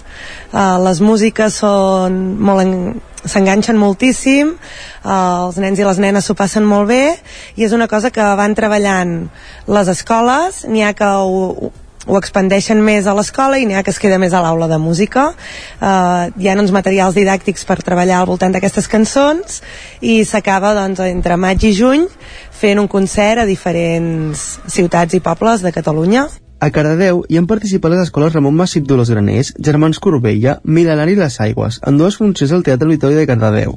La cantata de la Clica és un projecte impulsat per les Cases Música, que va començar fa 5 anys a Terrassa, Hospitalet i Mataró. Un projecte que pretén generar afició per la música, apropar la xarxa en viu a les escoles i treballar valors universals. Avui tot va de ses i cas, perquè de la clica passem al Ceràmic de Sant Julià de Vilatorta, que potenciava dissabte els tallers per al públic. En l'activitat anomenada Torneja, dissabte a la tarda, una cinquantena de persones van tenir l'oportunitat de posar-se al torn i fer la seva pròpia figura en fang, en terrissa. Entre elles, una cara coneguda, com la de la periodista i escriptora Empar Moliner, Sergi Vives. Ella era una de les, presentador, una de les presentadores de l'esdeveniment que es feia en una carpa taller al Parc de les Set Fonts de Sant Julià de Vilatorta. Jan Madrenas va ser l'encarregat de donar unes petites indicacions als assistents, però està clar que una cosa és veure com ho fa un ceramista professional i l'altra és posar-s'hi un mateix. En família, en la major part dels casos, tothom va intentar, amb més o menys encert, fer la seva creació en fang, amb algun consell expert. Per la seva banda, en Part Moliner es confessava absolutament inexperta, però enamorada de la ceràmica. Quin és el contacte? Que m'encanta la ceràmica, que m'agrada molt, que la terrissa m'agrada molt, molt, molt, molt, molt, que, que, que jo veig un canti i em moro d'il·lusió. Aquí hi ha molts artesans. Hi ha artesans que fan coses boniques, et fan un, un pot per prendre el te preciós, però la idea de la ceràmica eh, ve de, de la quotidianitat. O sigui, faig, una, faig un objecte que el necessito. I, i aquesta és la, la, la màgia no? de, de la ceràmica.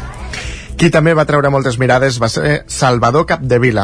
El seu pare, Joan Capdevila, va ser l'últim terrissaire de Sant Julià d'una nissaga de cinc generacions. Ell no va seguir l'ofici i tampoc s'hi dedica habitualment, però en conserva totes les habilitats. El meu pare sempre deia que això no es perd. No es guanya, però no es perd. És com anar en bicicleta, que no, no, no fas molts quilòmetres, però sempre anar en bicicleta sempre xaps.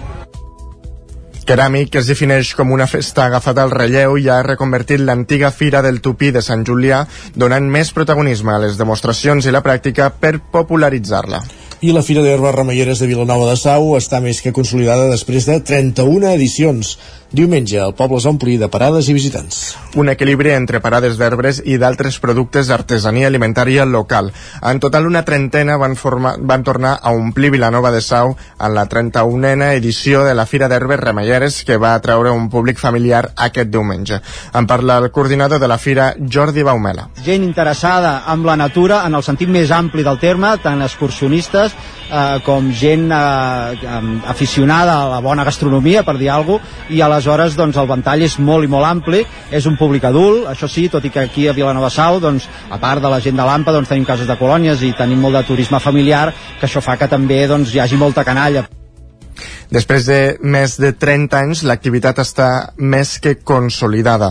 La postpandèmia, però, explica Baumelia, li ha donat un nou impuls. Arran de la pandèmia una mica la gent ha buscat una mica aquesta reconnexió amb els seus orígens, amb el seu entorn més ancestral, més natural, i això doncs, eh, té un efecte directíssim en el que són la, pròpiament les fires, la, la fira d'herbes, els remeis naturals, eh, les teràpies doncs, que, que tracten una mica el, el cos com a, com a centre de, de, de la cura. La fira combina les parades amb diverses activitats paral·leles, com una caminada, conferències sobre les trementinaires, tallers i el concurs de flors. A primera hora de la tarda va arribar la pluja que va fer traslladar sota cobert algunes activitats. Una pluja, però, que es trobava a faltar i també necessària perquè les herbes, com les que es podien trobar a la mateixa fira, puguin créixer. I durant tot el cap de setmana el recinte firal del Sucre de Vic s'ha convertit en l'epicentre del còmic, del manga i de la ciència-ficció, amb la segona edició del festival Vic Freak. Un esdeveniment que té per objectiu posar en valor tot allò relacionat amb el món del còmic i del manga. I és que molts dels visitants anaven vestits d'algun personatge de còmic, anime o videojoc, el que es denomina cosplay.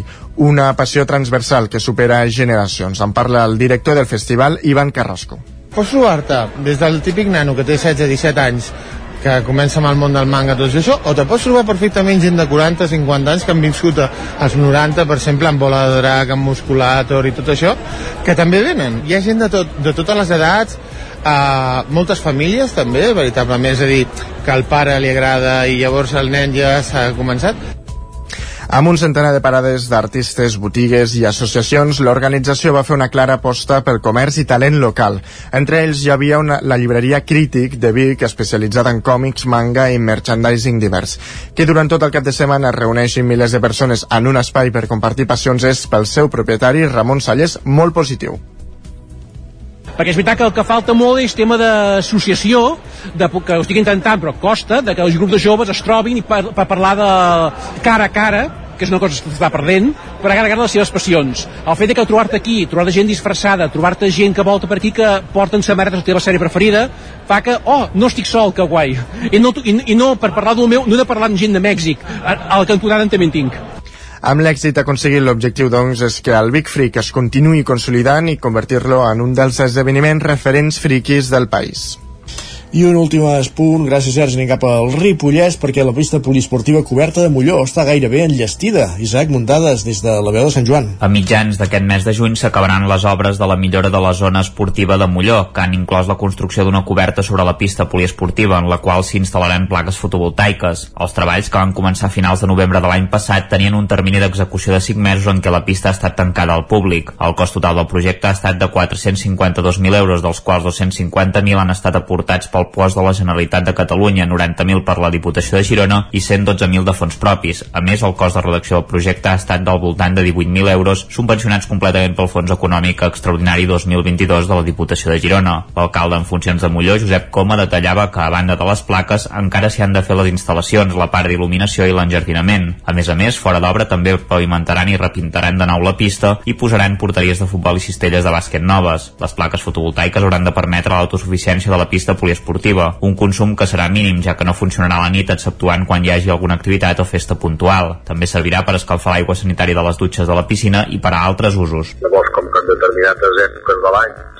fora del període de piscina, i fora de l'estiu, que nosaltres eh, fem servir l'equipament és tancat i les plaques continuaran funcionant, la intenció és crear una comunitat energètica local. El que farem és crear aquesta comunitat que vulgui en un radi de dos quilòmetres al voltant de la pista poliesportiva, que bàsicament és tot el nucli de Montó i a fora, estan a fora, podrà formar part d'aquesta comunitat i per tant eh, la producció d'electricitat que es faci la podran compensar amb la seva factura. A dos quilòmetres en línia recta de l'Ajuntament també hi ha el dipòsit d'aigua de Ginestosa, que gasta molta electricitat perquè l'aigua hi recircula. Així doncs, l'Ajuntament també formarà part de la comunitat energètica per reduir les despeses dels equipaments municipals. Gràcies, Isaac. Acabem aquí aquest repàs informatiu que començàvem al punt de les 10 en companyia d'Isaac Muntades pel Grau Roger Rams i Sergi Vives. Moment al territori 17 de saludar de nou el nostre home del temps, en Pep Acosta.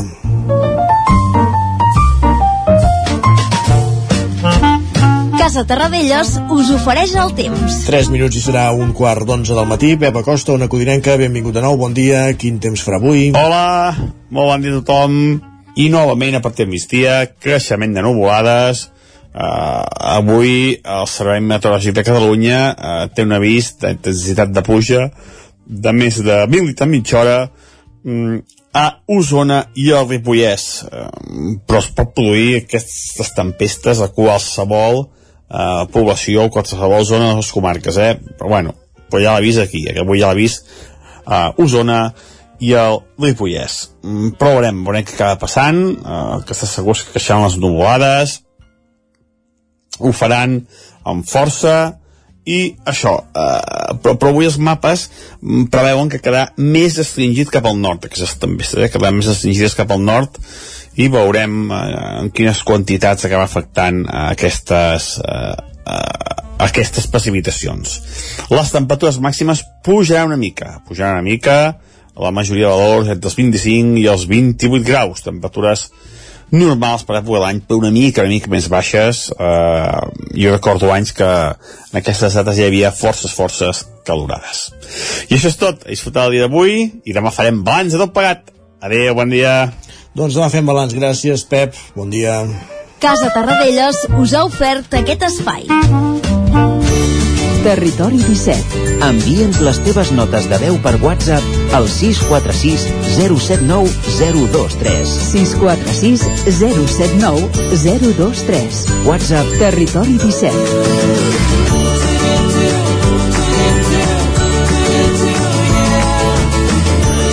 Territori 17 som a Facebook, Twitter i Instagram amb l'usuari Territori 17.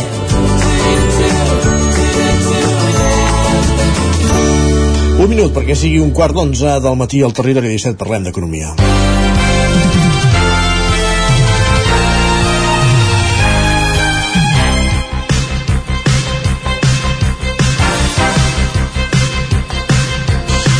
Perquè una setmana més ens acompanya en Joan Carles Arredondo, el cap d'Economia del 9-9 del Vallès Oriental i avui, Joan Carles, amb la intenció de parlar del creixement de les empreses zombi. Bon dia, benvinguts. Sí, sembla Walking Dead això, eh? però te- te- tenim un Walking Dead de- d'empreses també es veu. Explica'ns, va. Mira, fa, fa un any eh, es va acabar una història eh, que es deia moratòria concursal. Sí. Això volia dir mm, aproximadament que, mm, diguem que durant la pandèmia eh, hi havia moltes empreses que es van quedar gairebé inactives i mm, que diguem-ne estàvem en una situació econòmica delicada. Llavors, clar, no es podia considerar directament que aquestes empreses estiguessin en aquesta situació delicada eh, per, per, per una qüestió estrictament interna de l'empresa, sinó per un factor extern i, i, i gens menys preable, com el fet que tanquessin tota la- tot, tot, tot, tota l'activitat, etc. No? Llavors, què, van, què, què, què es va fer? I diguem-ne que això eh, és en bon criteri absolutament justificable, eh, les empreses quan estan en una situació tan delicada que no poden arribar a pagar els, els deutes eh, o, o refinancen aquest deute que després explicarem una mica això o mm, si no presenten concursos de creditors els seus administradors diguem-ne que incorren en responsabilitats que poden arribar a comportar diguem-ne que es persegueixi el seu propi patrimoni no? Uh, clar, com que les, els factors que hi havia eren externs uh, es, es va dir, home, mm, durant un temps uh, el fet que estiguis en una situació delicada econòmicament no comportarà que incorris en responsabilitat si no presentes concursos de creditor tot això va acabar fa un any, diguem-ne, es va allargar molt perquè va començar el 2020 amb, amb, amb, diguem amb, la, amb, amb l'esclat de les mesures de, de l'estat d'alarma, etc. i mentre no s'estava tramitant una nova, eh, llei, una nova llei de, mm, concur- concursal es va anar allargant, que es va allargar fins i tot diríem que massa, i per això mm, jo crec que aquest és un dels mals el que explicarem a continuació no? Quan va acabar aquesta moratòria hi havia el temor que hi hauria una allau de concursos de creditors mmm, perquè diguem-ne que totes les empreses que, que no havien arribat a sortir-se'n després de, de, de tota la situació d'estat d'alarma, etc., doncs eh, acabarien eh, anant al jutjat. I aquest allau de concursos i, diguem-ne, mm, hi va ser, però no va ser tan terrible com, com es pensava. No? Eh, a- anem a les dades, que és el que ens perd, eh, de nosaltres. Uh, es van incrementar els concursos, efectivament. L'any passat la gens menys preable xifra d'un 24%, a Catalunya un 14%. Va passar que, com que aquesta llei nova que, que estàvem explicant i que va entrar en vigor fa un any, eh, preveu encara passos intermedis abans de caure directament en concurs de creditors, concurs de creditors és el que abans en dèiem concurs de pagament, ai, suspensió de pagaments, eh? eh per, per, per, per anar aclaint, diguem, de conceptes. Doncs, eh, diguem-ne que eh, el, el nombre de concursos de creditors es va mantenir en termes, diríem, raonables, eh? raonable sempre i quan eh, es pugui considerar que es va arribar a la xifra de concursos de creditors més alta des de 2013. 2013 anàvem molt mal dades, eh, volem recordar però és la més alta des de llavors. De tota manera, diguem-ne que mm, no, no va arribar ni, els, ni, ni, ni el que hi havia en els períodes de crisi profunda financera. Eh? Aquesta tendència alcista es manté en els cinc primers, de, en els cinc primers mesos de l'any, amb l'agreujant que el mes de febrer es va produir una davallada descomunal perquè recordeu que hi havia una vaga de lletrats a l'administració de justícia de manera que no es tramitaven concursos i aquí va haver-hi una davallada impressionant i en el moment en què, va tornar, en què diguem es va tornar a posar actiu el tema dels jutjats va tornar a créixer eh, i sobretot va ser el mes d'abril i maig eh? les últimes dades que hi ha disponibles són del mes de maig Uh, aquestes dades les recull una empresa especialitzada que es diu Informe de DIB eh? i es pot concloure que sí que hi ha hagut un creixement notable en el nombre de concursos sense que això pugui arribar a considerar-se una allau. Però aquesta conclusió seria incompleta si no es comprovés que la fi de la moratòria ha portat associada una disminució d'aquestes anomenades empreses zombi. Què són les empreses zombi? Doncs són empreses que no tenen capacitat de generar prou recursos, prou beneficis mm, per arribar a pagar ni tan sols els interessos dels deutes que tenen acumulats després i després d'anys de fer la viu-viu eh, fer la viu-viu, això és el que acostumen a fer els zombis eh? um, la mateixa empresa de, de la qual parlàvem abans mm, té una resposta eh? no només el fenomen d'aquestes empreses que la terminologia més subtil del Banc d'Espanya qualifica com a vulnerables, eh? no, no, diu, no diu empreses zombis, en diu empreses vulnerables. Sí. Doncs no només aquest fenomen continua vigent, sinó que ha crescut. Eh? A, a, a més, la metodologia que s'utilitza en, en, en aquest, que utilitza aquesta empresa eh, encara és, és favorable que no apareguin totes les empreses que estan en aquesta situació de generar prou beneficis com per pagar ni tan sols els interessos. Només es comptabilitzen empreses que ja tenen més de 10 anys eh, de trajectòria hi ha una pila d'empreses de recent creació que potser estan en la mateixa situació d'incapacitat eh? um, però que queden fora del recompte dit això el que diuen les dades d'informe d'IB és que aquestes empreses que sobreviuen eh, aquestes empreses sobreviuen a través de plans de refinançament perpetus eh? es va incrementar un 21% l'any passat i encara ho està fent en un 2% aquest 2023 això vindria a desmentir que fos la moratòria concursal la que mantingués actives aquestes empreses. Eh, eh, N'hi ha 48.000 d'aquestes característiques a tot l'Estat, 9.100 a Catalunya. La moratòria ha acabat i encara creix el nombre d'empreses zombi. De fet, només el 6% de les que tenien aquesta consideració d'empreses vulnerables en l'arrencada de l'any passat, eh, el 2022, va acabar efectivament en dissolució. Aproximadament la meitat van continuar l'activitat com si res no hagués passat. La previsió, a més, no és gaire favorable. Un entorn de creixement dels tipus d'interès deixa encara més empreses en situació de vulnerabilitat. Els hi costarà més encara, diguem-ne, pagar els interessos. A més, s'està produint també un repunt d'aquesta problemàtica empresarial arreu del continent, eh, que no té a veure, no, no, no només té a veure amb l'augment dels tipus d'interès, sinó amb la progressiva retirada de les mesures d'estímul que es van posar en marxa arran de la pandèmia i que els estats eh, i la mateixa Unió Europea considera que ara ja són innecessàries perquè estaríem donant respiració assistida a, a empreses que no tenen possibilitat de, de, de subsistir no? Uh, l'existència d'empreses zombi és un problema més gran per l'economia general del que es podria pensar. Mm.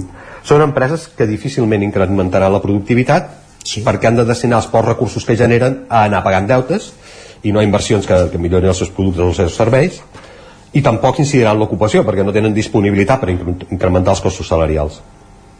En canvi, els bancs o altres figures de finançament que hi hagi, eh, eh s'esforcen a seguir injectant recursos en forma de crèdit per intentar que les empreses es recuperin no? i llavors puguin tornar al préstec. Això no passa i en canvi, diguem-ne, mm, estan destinant diners a empreses que difícilment sortiran d'aquesta situació de vulnerabilitat, ja ho direm, eh, i en canvi altres activitats que tindrien més possibilitats de ser viables es queden sense, sense finançament perquè s'està destinant això. No? Algunes dades addicionals sobre les empreses zombi. Ja. En un 82% són microempreses. Uh -huh. Microempreses vol dir entre 0 i 10 treballadors i menys de 2 milions de facturació. Els sectors predominants són la construcció i no tant les empreses que posen totxos, diguem-ne, com les empreses de la branca d'activitat immobiliària. Uh -huh. eh, també hi ha el comerç i l'hostaleria. Madrid i Catalunya són les zones de l'Estat que més en tenen, per la raó òbvia que, que són les que tenen domiciliades més societats. Sí Uh, sí, la diferència és que mentre Madrid a veure si, a veure si soc capaç d'explicar-ho Madrid concentra el 19% de les empreses zombi i en canvi del total d'empreses que hi ha domiciliades a l'Estat en té un, un, un 17% per tant aquí tenim un desfassament hi ha més empreses zombi del total que empreses del total. En canvi a Catalunya la cosa és una mica al revés eh? no arriba al 19% d'empreses zombi però té prop del 20% del total d'empreses. No és que sigui gaire consol, però, però sí, hi ha una, una certa diferència. Eh? Menys sí. tendència a tenir empreses zombi, diguem-ne, si, si mires els percentatges. No?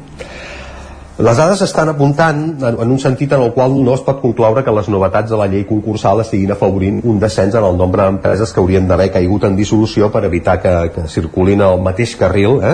que activitats viables i facin un tap en el trànsit. Eh? Per la comparació es podria fer una empresa zombi és aquell típic cotxe que va a 80 pel carril del mig de l'autopista. Sí, sí, sí. Eh, diguem-ne, eh, està entorpint el, la resta de trànsit quan el que hauria de ser, i probablement perquè, perquè és un cotxe variat, hauria de fer és arraconar-se no? i probablement sortir de circulació doncs diguem-ne que aquest seria una mica el símil no? um, de fet el que dèiem eh, tampoc es pot dir que aquesta llei hagi aconseguit l'efecte de reduir el nombre d'empreses que quan cauen en concurs passen a liquidació, dissolució i extinció sempre s'havia dit que l'estat espanyol té un problema amb les empreses eh, que fa que suspenen pagaments, no? Perquè una suspensió de pagaments hauria de ser un pas, diguem-ne, que et permetés respirar per després tenir continuïtat i això no passa en el 95% dels casos és a dir, només, sobreviu, només sobrevi, sobrevivien amb la llei anterior amb la, amb la nova no, no, no existeixen dades perquè no hi ha prou recorregut eh? Uh -huh. però només sobrevivien un 5% de les empreses que presentaven concurs de creditors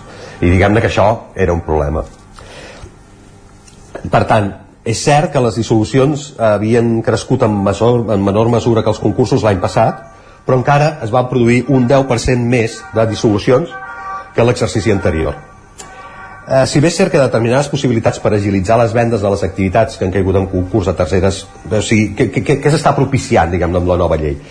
Que, que em, empreses que han caigut en concurs de creditors puguin passar a, a, a sota control a terceres empreses que tenen més fortalesa financera i per tant tenen més possibilitats de donar viabilitat a aquella activitat mantenir algun lloc de treball i fins i tot arribar a pagar a alguns creditors no?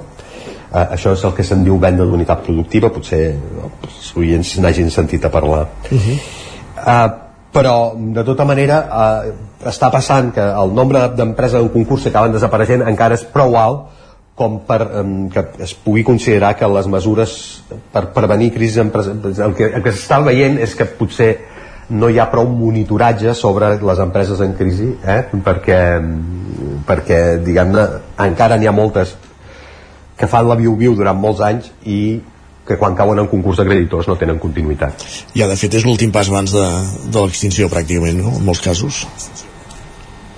Sí, jo, jo crec que el que ha passat eh, és, és veritat que eh, probablement tinguin més mala premsa uh -huh. eh, un fracàs empresarial sí.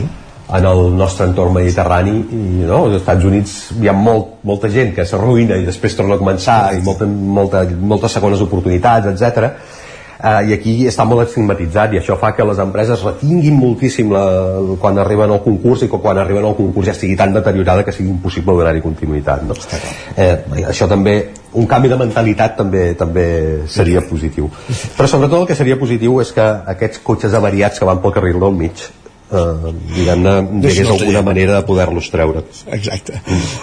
Gràcies Joan Carles, una setmana més. Gràcies a vosaltres. Bon dia, bon dia.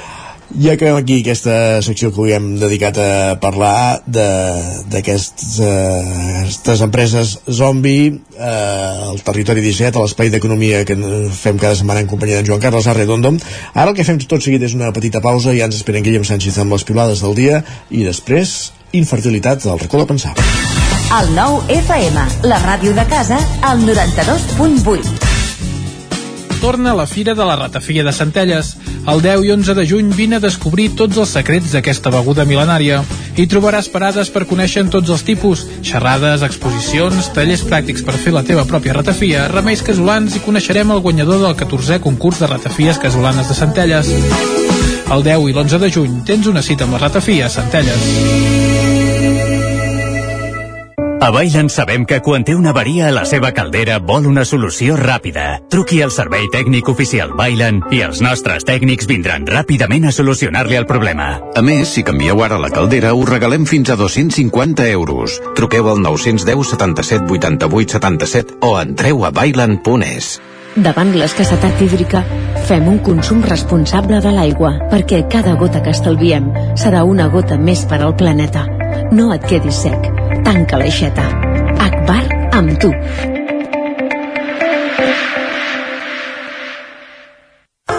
Si tens pensat canviar la caldera o posar aire condicionat, posa't en mans a Pradell. Tenen les millors ofertes. Pradell instal·la calderes de biomassa, calderes de condensació, aire condicionat tant per a particulars com per a empreses. Apunta, Pradell, Avinguda Països Catalans, número 27 de Vic. Telèfon 93 885 11 97. Repetim, 93 885 11 97. Ser a prop vol dir veure les coses més bé. Apropa't al que t'interessa amb la xarxa Més. la teva plataforma audiovisual de qualitat, proximitat i gratuïta. Gaudeix dels continguts de més de 30 televisions locals i podcast quan, com i on tu vulguis. Entra a la xarxa més.cat i descarrega't l'app. Cocodril Club. Si t'agrada la bona música dels anys 60, 70 i 80, escolta el 9 FM els matins de dissabtes i diumenges d'11 a 1. És el temps del Cocodril Club, tot un clàssic de la ràdio, amb les bases del pop-rock, les llegendes, les cançons que s'han convertit en autèntics himnes. Recorda, dissabtes i diumenges al matí, d'11 a 1, al 9 FM 92.8. Cocodril Club, el programa revival de l'Albert Malla. Hasta luego, cocodrilo. Bon dia, són les 9 al Territori 17. La Miquel Parella, Cada matí i durant dues hores t'acompanyem i et posem al dia de l'actualitat de casa nostra. Potenciant així l'autonomia En aquest cas me la peça el si no... Usos per feminitzar el pensament masculí. Territori 17, el magazín matinal d'Osona, el Moianès, el Ripollès i el Vallès Oriental. Que la meva àvia de 93 el anys- 9 FM, el 9 TV, el 99.cat i també els nostres canals de Twitch i YouTube. demà per fer-se un tatuatge. Cada matí, Territori 17. Ole. El 9 FM, el 9 FM, el 9 FM, el 9 FM. En punt dos quarts d'onze al Territori 17.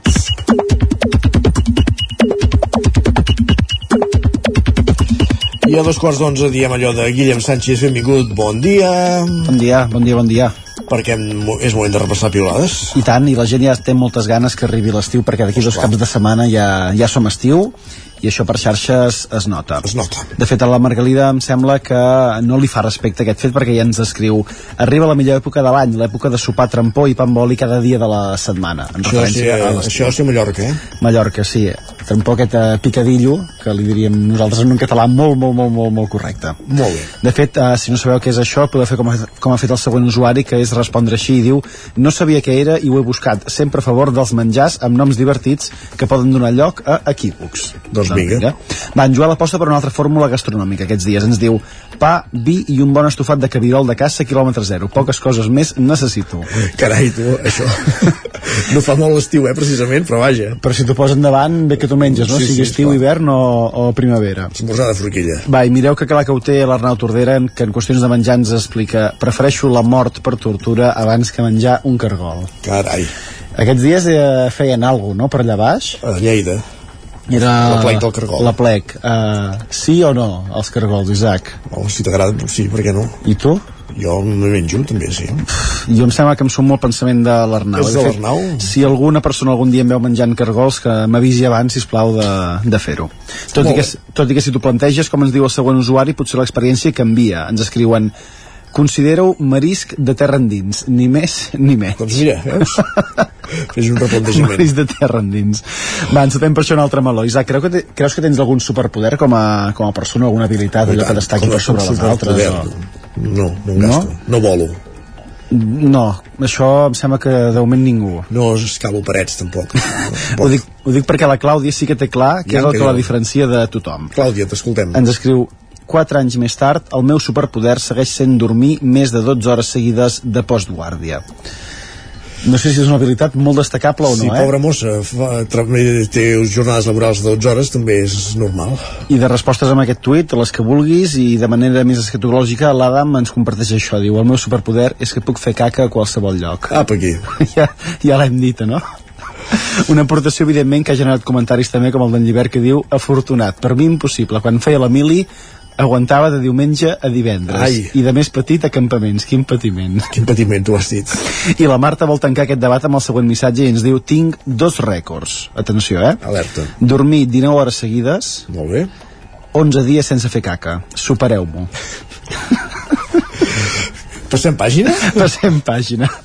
Va, seguim amb la secció amb un dels noms de la jornada des d'ahir al migdia. Em sembla que el de, que el de Messi portarà una mica de, de cua, no? Bueno, no ho sé, ja ens ho trobem. Ens- Avui deien que entre avui i demà s'ha de dir alguna cosa. D'acord. Estarem pendents, eh? Sí. En César ens escriu Tots els que tenen raons molt pensades per no fitxar Messi són els mateixos que creuen que l'amor és una substància que en un període de 5 o 10 anys es podrà fabricar en un laboratori i comercialitzar-ho al mercat global. Doncs èxit l'excepció que confirma la regla. Quina reflexió. Va, i per acabar, una reflexió final també d'un usuari acostumat a veure futbol que ens escriu aquesta temporada es retiren que ja no ens en recordem, eh? Piqué, Joaquín, Bale i Ibrahimovic. Marxen Busquets i Jordi Alba del Barça. Es retira Mateu Laoz, gràcies a Déu, Benzema i, i Cristiano Aràbia. Diu tot això mentre Messi ha guanyat el Mundial sent el millor futbolista del món un any més. Porta anys així. A veure si li donem continuïtat aquí a Can Barça. Va ser un gran any el 2023. I tant, per tots. Gràcies, Guillem. Que vagi molt bé. Bon dimarts.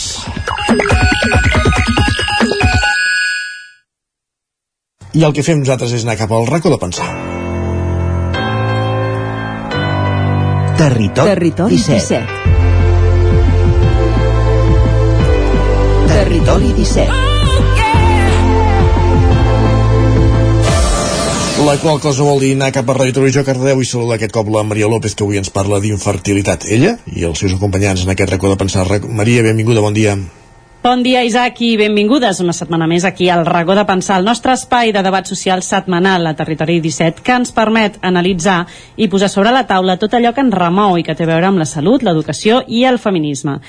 Mireu, aquest diumenge, 4 de juny, se celebrava el Dia Mundial de la Infertilitat, una situació que, segons un estudi publicat per la OMS a l'abril d'aquest mateix any, afecta una de cada sis persones. Entre el 15 i el 17% de la població espanyola té problemes per concebre fills, segons dades de la Societat Espanyola de Fertilitat. I entre el 10% i el 20% dels embarassos conscients acaben en un avortament espontani. Són xifres remarcablement, remarcablement elevades per la poca visibilitat que fins fa poc tenia la infertilitat en el debat públic. Però cada vegada hi ha més dones, tot i que no sigui una qüestió exclusivament femenina, i força de conegudes que en parlen obertament. L'actriu Jennifer Aniston o l'artista Liona han estat alguns dels personatges públics que s'han atrevit a posar el tema sobre la taula. Per això avui no només volem parlar de la infertilitat i de les seves causes, sinó també del gran tabú que hi ha al seu voltant. Comencem, doncs, el racó de pensar d'avui perquè toca parlar d'infertilitat. El racó de pensar, a Territori 17.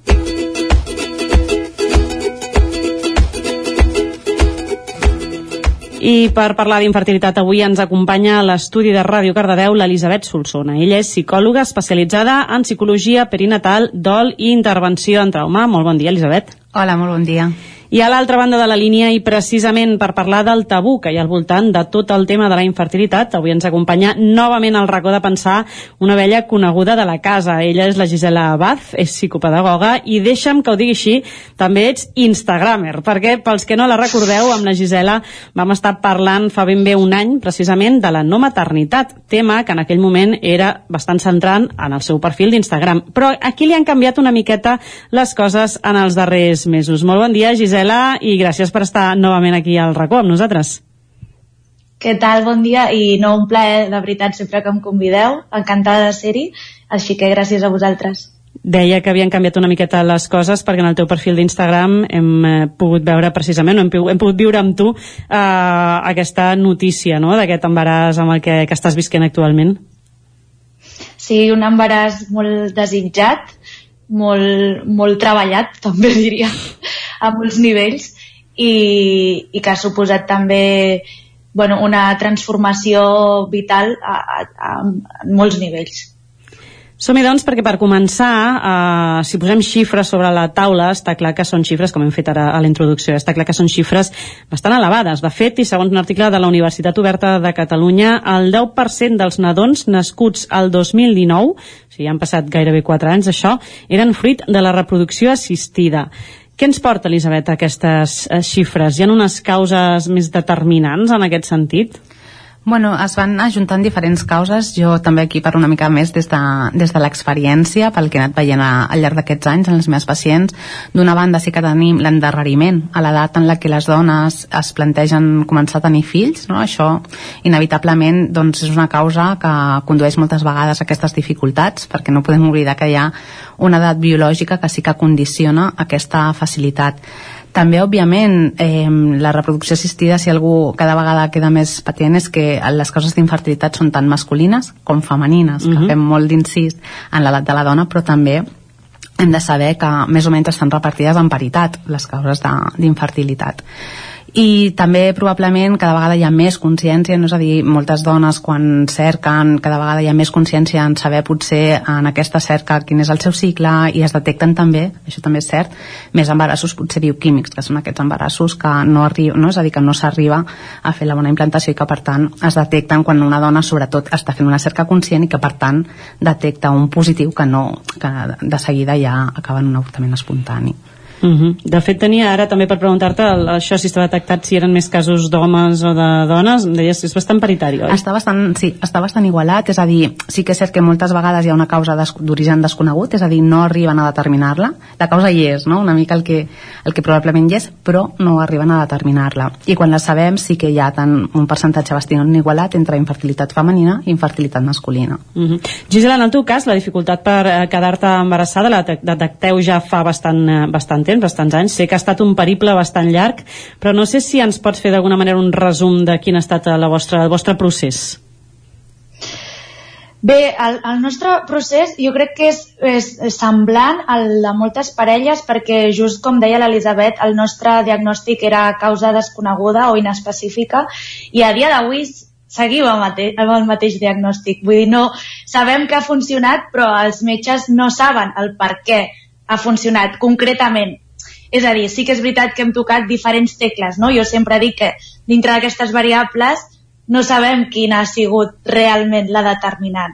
Per tant, eh, quan això su- succeeix, és veritat que el nivell d'angoixa que acompanya tot el procés, òbviament és similar en qualsevol cas, però és veritat que quan a sobre no pots comprendre, no tens una explicació mèdica de per què allò que se suposa que d'una manera natural i espontània hauria de succeir no succeeix, eh, jo diria que l'angoixa es triplica perquè és que el, la, la ment necessita comprendre i, i quan no entens eh, bueno, és, és com molt, pues això, molt, molt angoixant tot plegat, no? I, i molts dels processos que acaben amb embarassos de fet no, no acaben tampoc amb una resolució molt clara de què era exactament el que, el que no funcionava no, en aquest cas.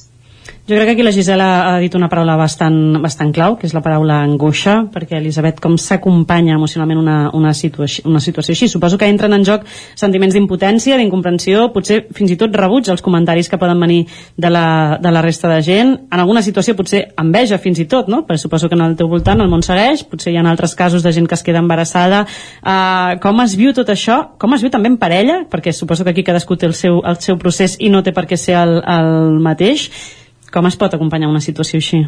Sí, realment, totes, no, totes les tecles que has anat tocant, és cert que, que és així. Començaré una mica per una de les darreres que has dit, que és aquests embarassos del voltant. No? Al final, habitualment, les, les dones, parelles, tenim amics més o menys de la mateixa edat. Per tant, estem en el mateix cicle vital. Aleshores, es dona molt aquesta circumstància, que en el teu voltant vas veient com amigues, amics, no? van aconseguint aquest embaràs que tu te'n desitges, i això és molt difícil perquè com està molt poc visibilitzada i està molt poc acompanyada la infertilitat el que, el que troben és molta incomprensió en el seu entorn i això el que va creant és un allunyament moltes vegades aleshores això no fa més que afegir pes perquè al final també justament el, el factor social és un factor molt protector d'una adaptació. aïllant d'alguna manera, no? aleshores no, això és el que, el que es va donant molt Uh, a l'entorn també, com dic, no? també l'entorn familiar, moltes vegades reben comentaris doncs, bueno, millor ara que més tard, sou joves, en el cas de que, la, no? de que, de que sí ho siguin, perquè a vegades realment a nivell biològic doncs, potser no Mhm. són tan joves, però sí que a vegades ho són. I hi ha tot aquest tipus de comentaris. Aleshores, clar, això al final, de nou, no? segueix allunyant, és a dir, són processos que es viuen amb molta solitud. Per tant, l'acompanyament sempre és molt beneficiós en aquest aspecte, és trobar un lloc segur, un espai en el que poder compartir, en el que poder alliberar, en el que sentir-se sostingut i acompanyat, i també per treballar una mica aquestes relacions. No? Al final, moltes vegades el que intento quan acompanyo en aquests processos és que si es troben amb amigues en les que hi ha molta confiança, parlo més des de lo femení perquè a més a més Mhm. realment, no? tot i que cada vegada hi ha més homes a consulta, la gran majoria de les que venen a, a consulta són dones. Aleshores és que hi hagi espai per totes dues, no? És a dir, si tu tens una amiga que és molt amiga i s'ha quedat embarassada, pugueu-ne parlar, no? És a dir, que hi Mhm. hagi espai per les dues. I moltes vegades això no passa, no? Aleshores, a vegades, quan aconsegueixen això, però a vegades és difícil.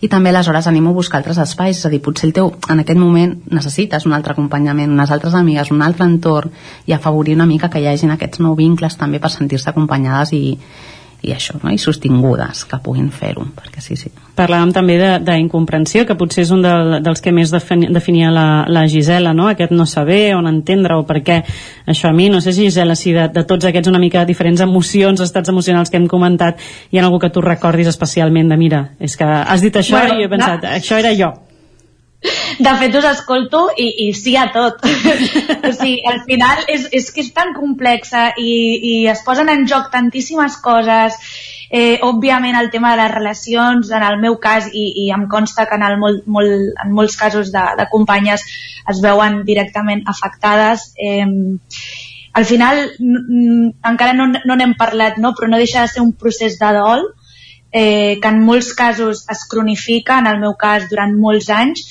i que això comporta que passis per moltes fases que tu mateixa eh, estiguis en estats molt diferents segons també el moment del propi procés, de, de si estàs en tractament, de si no estàs en tractament, no? O sigui, el propi procés, el com es va desenvolupant tot el procés d'infertilitat et fa a tu també estar en diferents moments, a vegades més cap en fora, a vegades cap, més cap endins, eh, però el que sí que vull remarcar i que l'Elisabet també ha assenyalat és que malauradament és un procés que, si bé no tots, habitualment es viu en una soledat terrible terrible. O sigui, és, és aïllament.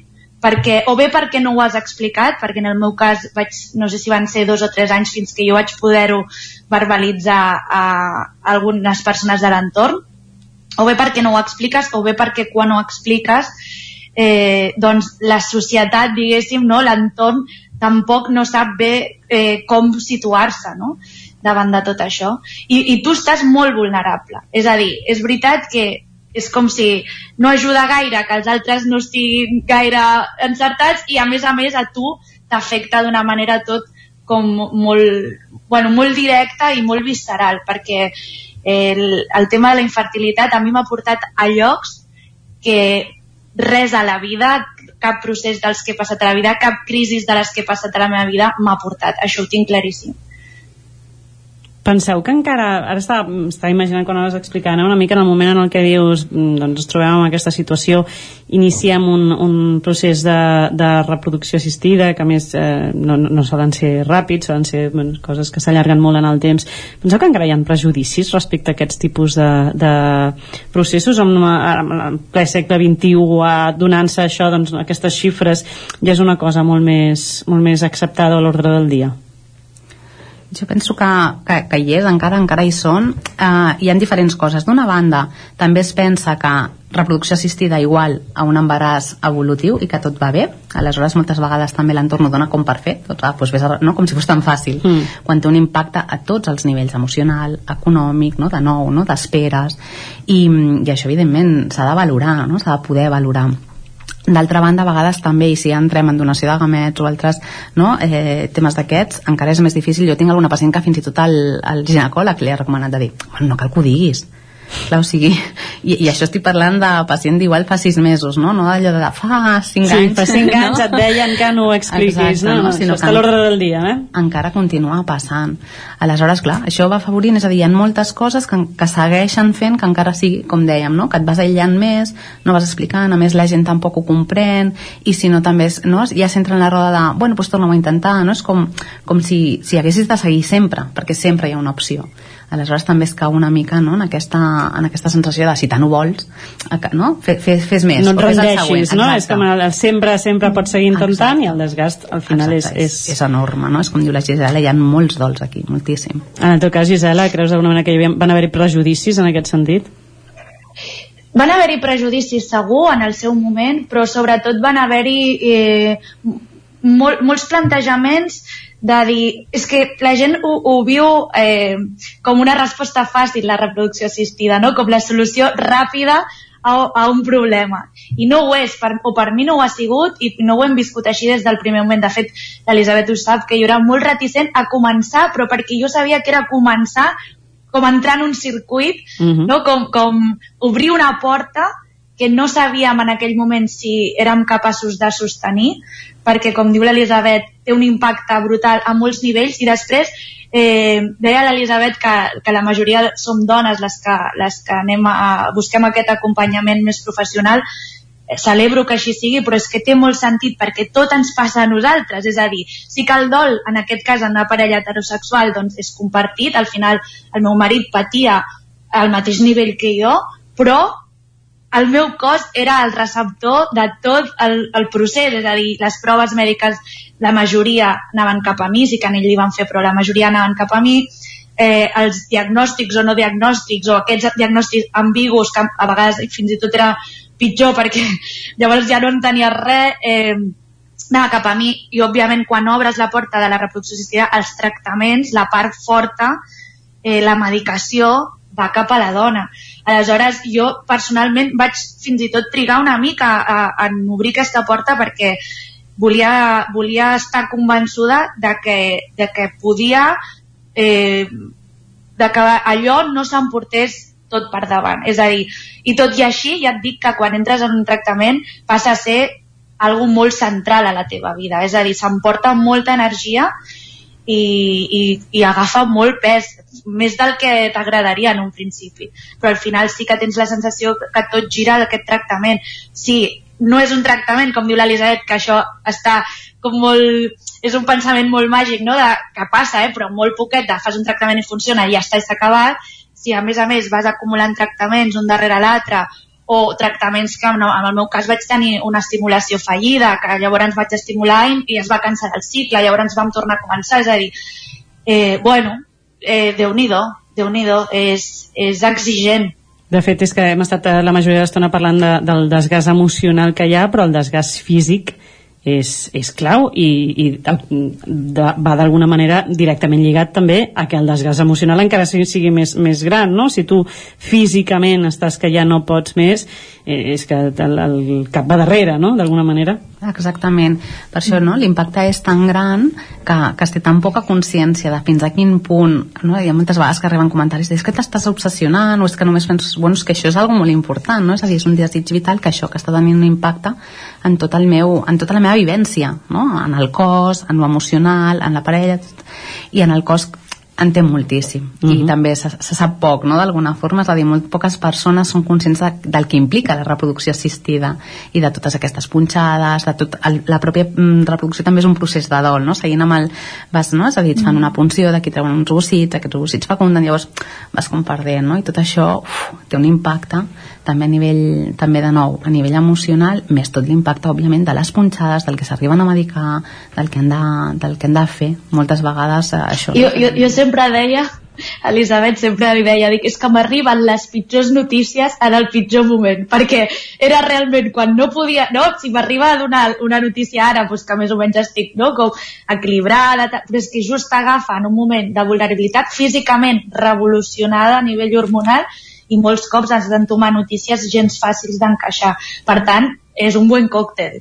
Mm -hmm. Tinc una mica la sensació més que, que amb aquest període o amb aquest eh, procés passa una mica com quan eh, ets eh, mare primeriza, no? que sembla que tothom sap uh, què has de fer i què no has de fer, no? I dintre de maternitat una de les coses que, que més hem comentat aquí al racó és que sembla sobretot que tothom uh, sap perfectament que no, aquest nen el que necessita és això. Tinc la sensació, no sé si m'equivoco, amb aquest procés és bastant similar, no? Una mica ara tu apuntaves, no? Que tothom diu, el que has de fer és estar tranquil·la, el que has de fer és no sé què, és a dir, tothom sap com quedar-se embarassada, uh, grans experts, i sembla que el món està ple de, de doctors i doctores que saben i et diuen què has de fer, no? Així és, i si bé sí que és cert que, que l'estrès no, pot, pot tenir una influència, però és que ha sigut que ha estat primer, no? és a dir, normalment qui comença una cerca no la comença estressat, és a dir, però el fet de que aquest embaràs no arribi comença a fer que hi hagi aquest estrès, que hi hagi aquesta angoixa, que hi hagi aquesta... I llavors ja es comença no, a, a haver-hi tot aquest bucle. Si realment fos eh, tan eficaç quedar-se embarassada per estar relaxada, en lloc de clíniques de reproducció assistida hi hauria agències de viatges especialitzades no, en... Que Viaja i queda't embarazada. Exacte, no? però és que no és així, no? Aleshores aleshores, bueno, intentem, som els solucionadors, els opinòlegs, no? És a dir, necessites això, bueno, aquí, aquí ja hi he arribat, no? Intentar com estar més tranquil. Això ja ho, he, ja ho he intentat, però no és, no és la solució. I que, mm -hmm. a més a més, després, és que hi ha factors reals, és a dir, a vegades hi ha aquest origen desconegut, però altres vegades hi ha realment, no? És a dir, vull dir, sempre hi ha realment alguna cosa, eh? Però a vegades es detecta, aleshores no era una qüestió d'estar relaxats, sinó que, bueno, s'havia d'intervenir o s'havia de fer alguna cosa per afavorir que, que, que, que es donés l'embaràs com que a vegades, a vegades el factor és masculí i encara li segueixen dient a la dona que es relaxi. tu relaxa't, no? Va, tu deus haver fet un far de sentir això, no, Gisela? Segurament allò del que has de fer és estar tranquil·la. Sí, clar, quan, quan, quan m'ho deien en el moment, en el transcurs, eh, m'afectava molt i a vegades em posava trista, a vegades m'enfadava, a vegades sentia aquesta incomprensió.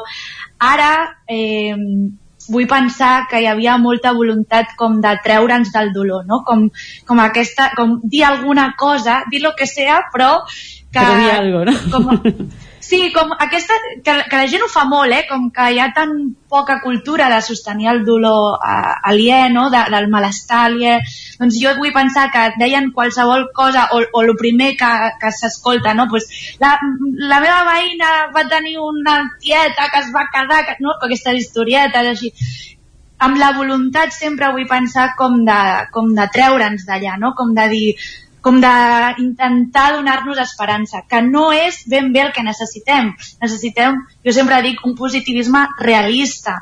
És a dir, pot anar bé, pot no anar bé el tractament en aquest cas, però tu estaràs bé, no? O estarem al teu costat, o, no? Passi el que passi, estarem amb tu. Aquest missatge a mi personalment m'ajudava molt més que no el va, ja veuràs com sí, va, si jo tinc clar que seràs mare, perquè jo en aquell moment pensava, és que no ho saps, i, i jo tampoc ho sé, no sabem què passarà realment, no? En el teu cas, Gisela, a més a més que eh, portes a un perfil d'Instagram, que tens eh, molts seguidors, eh, ha sigut d'alguna manera mm, compartir amb tu no? que és tota aquesta, tota aquesta evolució i aquí és on, on vull remarcar el tema que dèiem del tabú, el fet de parlar-ne tu obertament i explicar jo estic en aquesta situació i aquesta situació eh, és així de complicada, suposo que d'alguna manera també serveix no? perquè moltes altres persones que es troben en aquesta mateixa situació puguin compartir. Fins a quin punt eh, aquesta manera de compartir ajuda a les persones que, que estan. Segur que has rebut mm, milers de missatges privats de gent que estava passant el mateix, no? I encara, i encara els rebo. Eh, sí, jo ho vaig fer purament per, per una necessitat meva en un principi, de dir, jo, ho jo ho vaig viure amb molt estigma al principi i, i amb molta vergonya, carregava molta vergonya. Aleshores, per mi va ser com un sortir de l'armari i, i, i va- me'n recordo perfectament la conversa eh, amb el meu marit dient-li, necessito necessito fer-ho públic, o sigui, necessito cridar-ho, necessito treure'm aquesta, aquesta, sí, aquesta etiqueta que, que em pesa tant de dona infèrtil, no? Necessito... I a més a més, en aquells moments, fa sis anys, jo, cinc o sis anys, tampoc no se'n parlava tant. Jo crec que, mm, per sort, comencem a explicar-ho molt més. Almenys als entorns pròxims jo veig que surt molt més el tema de manera... O, o jo, no sé, potser és la meva, bombolleta, però jo començo a dir-ho ja amb una alegria, en plan, estem al gimnàs, ah, sí, és que nosaltres estem embarassats de tractament. Vull dir, perquè sí que crec que el que a mi em va passar és que per mi la infertilitat era algo mm, que em quedava ultra lluny. És a dir, és que no, no estava dins del meu imaginari. Per tant, el primer que vaig, vaig fer va, va ser xocar amb una realitat que m'era absolutament desconeguda, que no era gens familiar i que pensava que això que m'estava passant només a mi. Aleshores, el fet de dir-ho per xarxes, en aquell moment, a mi em va servir molt per, per fer tribu, per dir, espera, que una, una altra, una altra, una altra, comencen a sortir aquí un munt de parelles o de famílies que, que estan visquent processos molt similars al meu.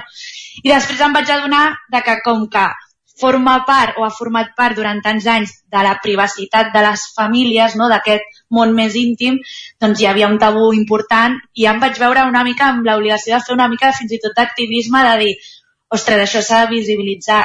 Hem, a part de que hi hagin professionals que estiguin explicant això, hem de ser les pròpies pacients les que puguem narrar les nostres històries. No?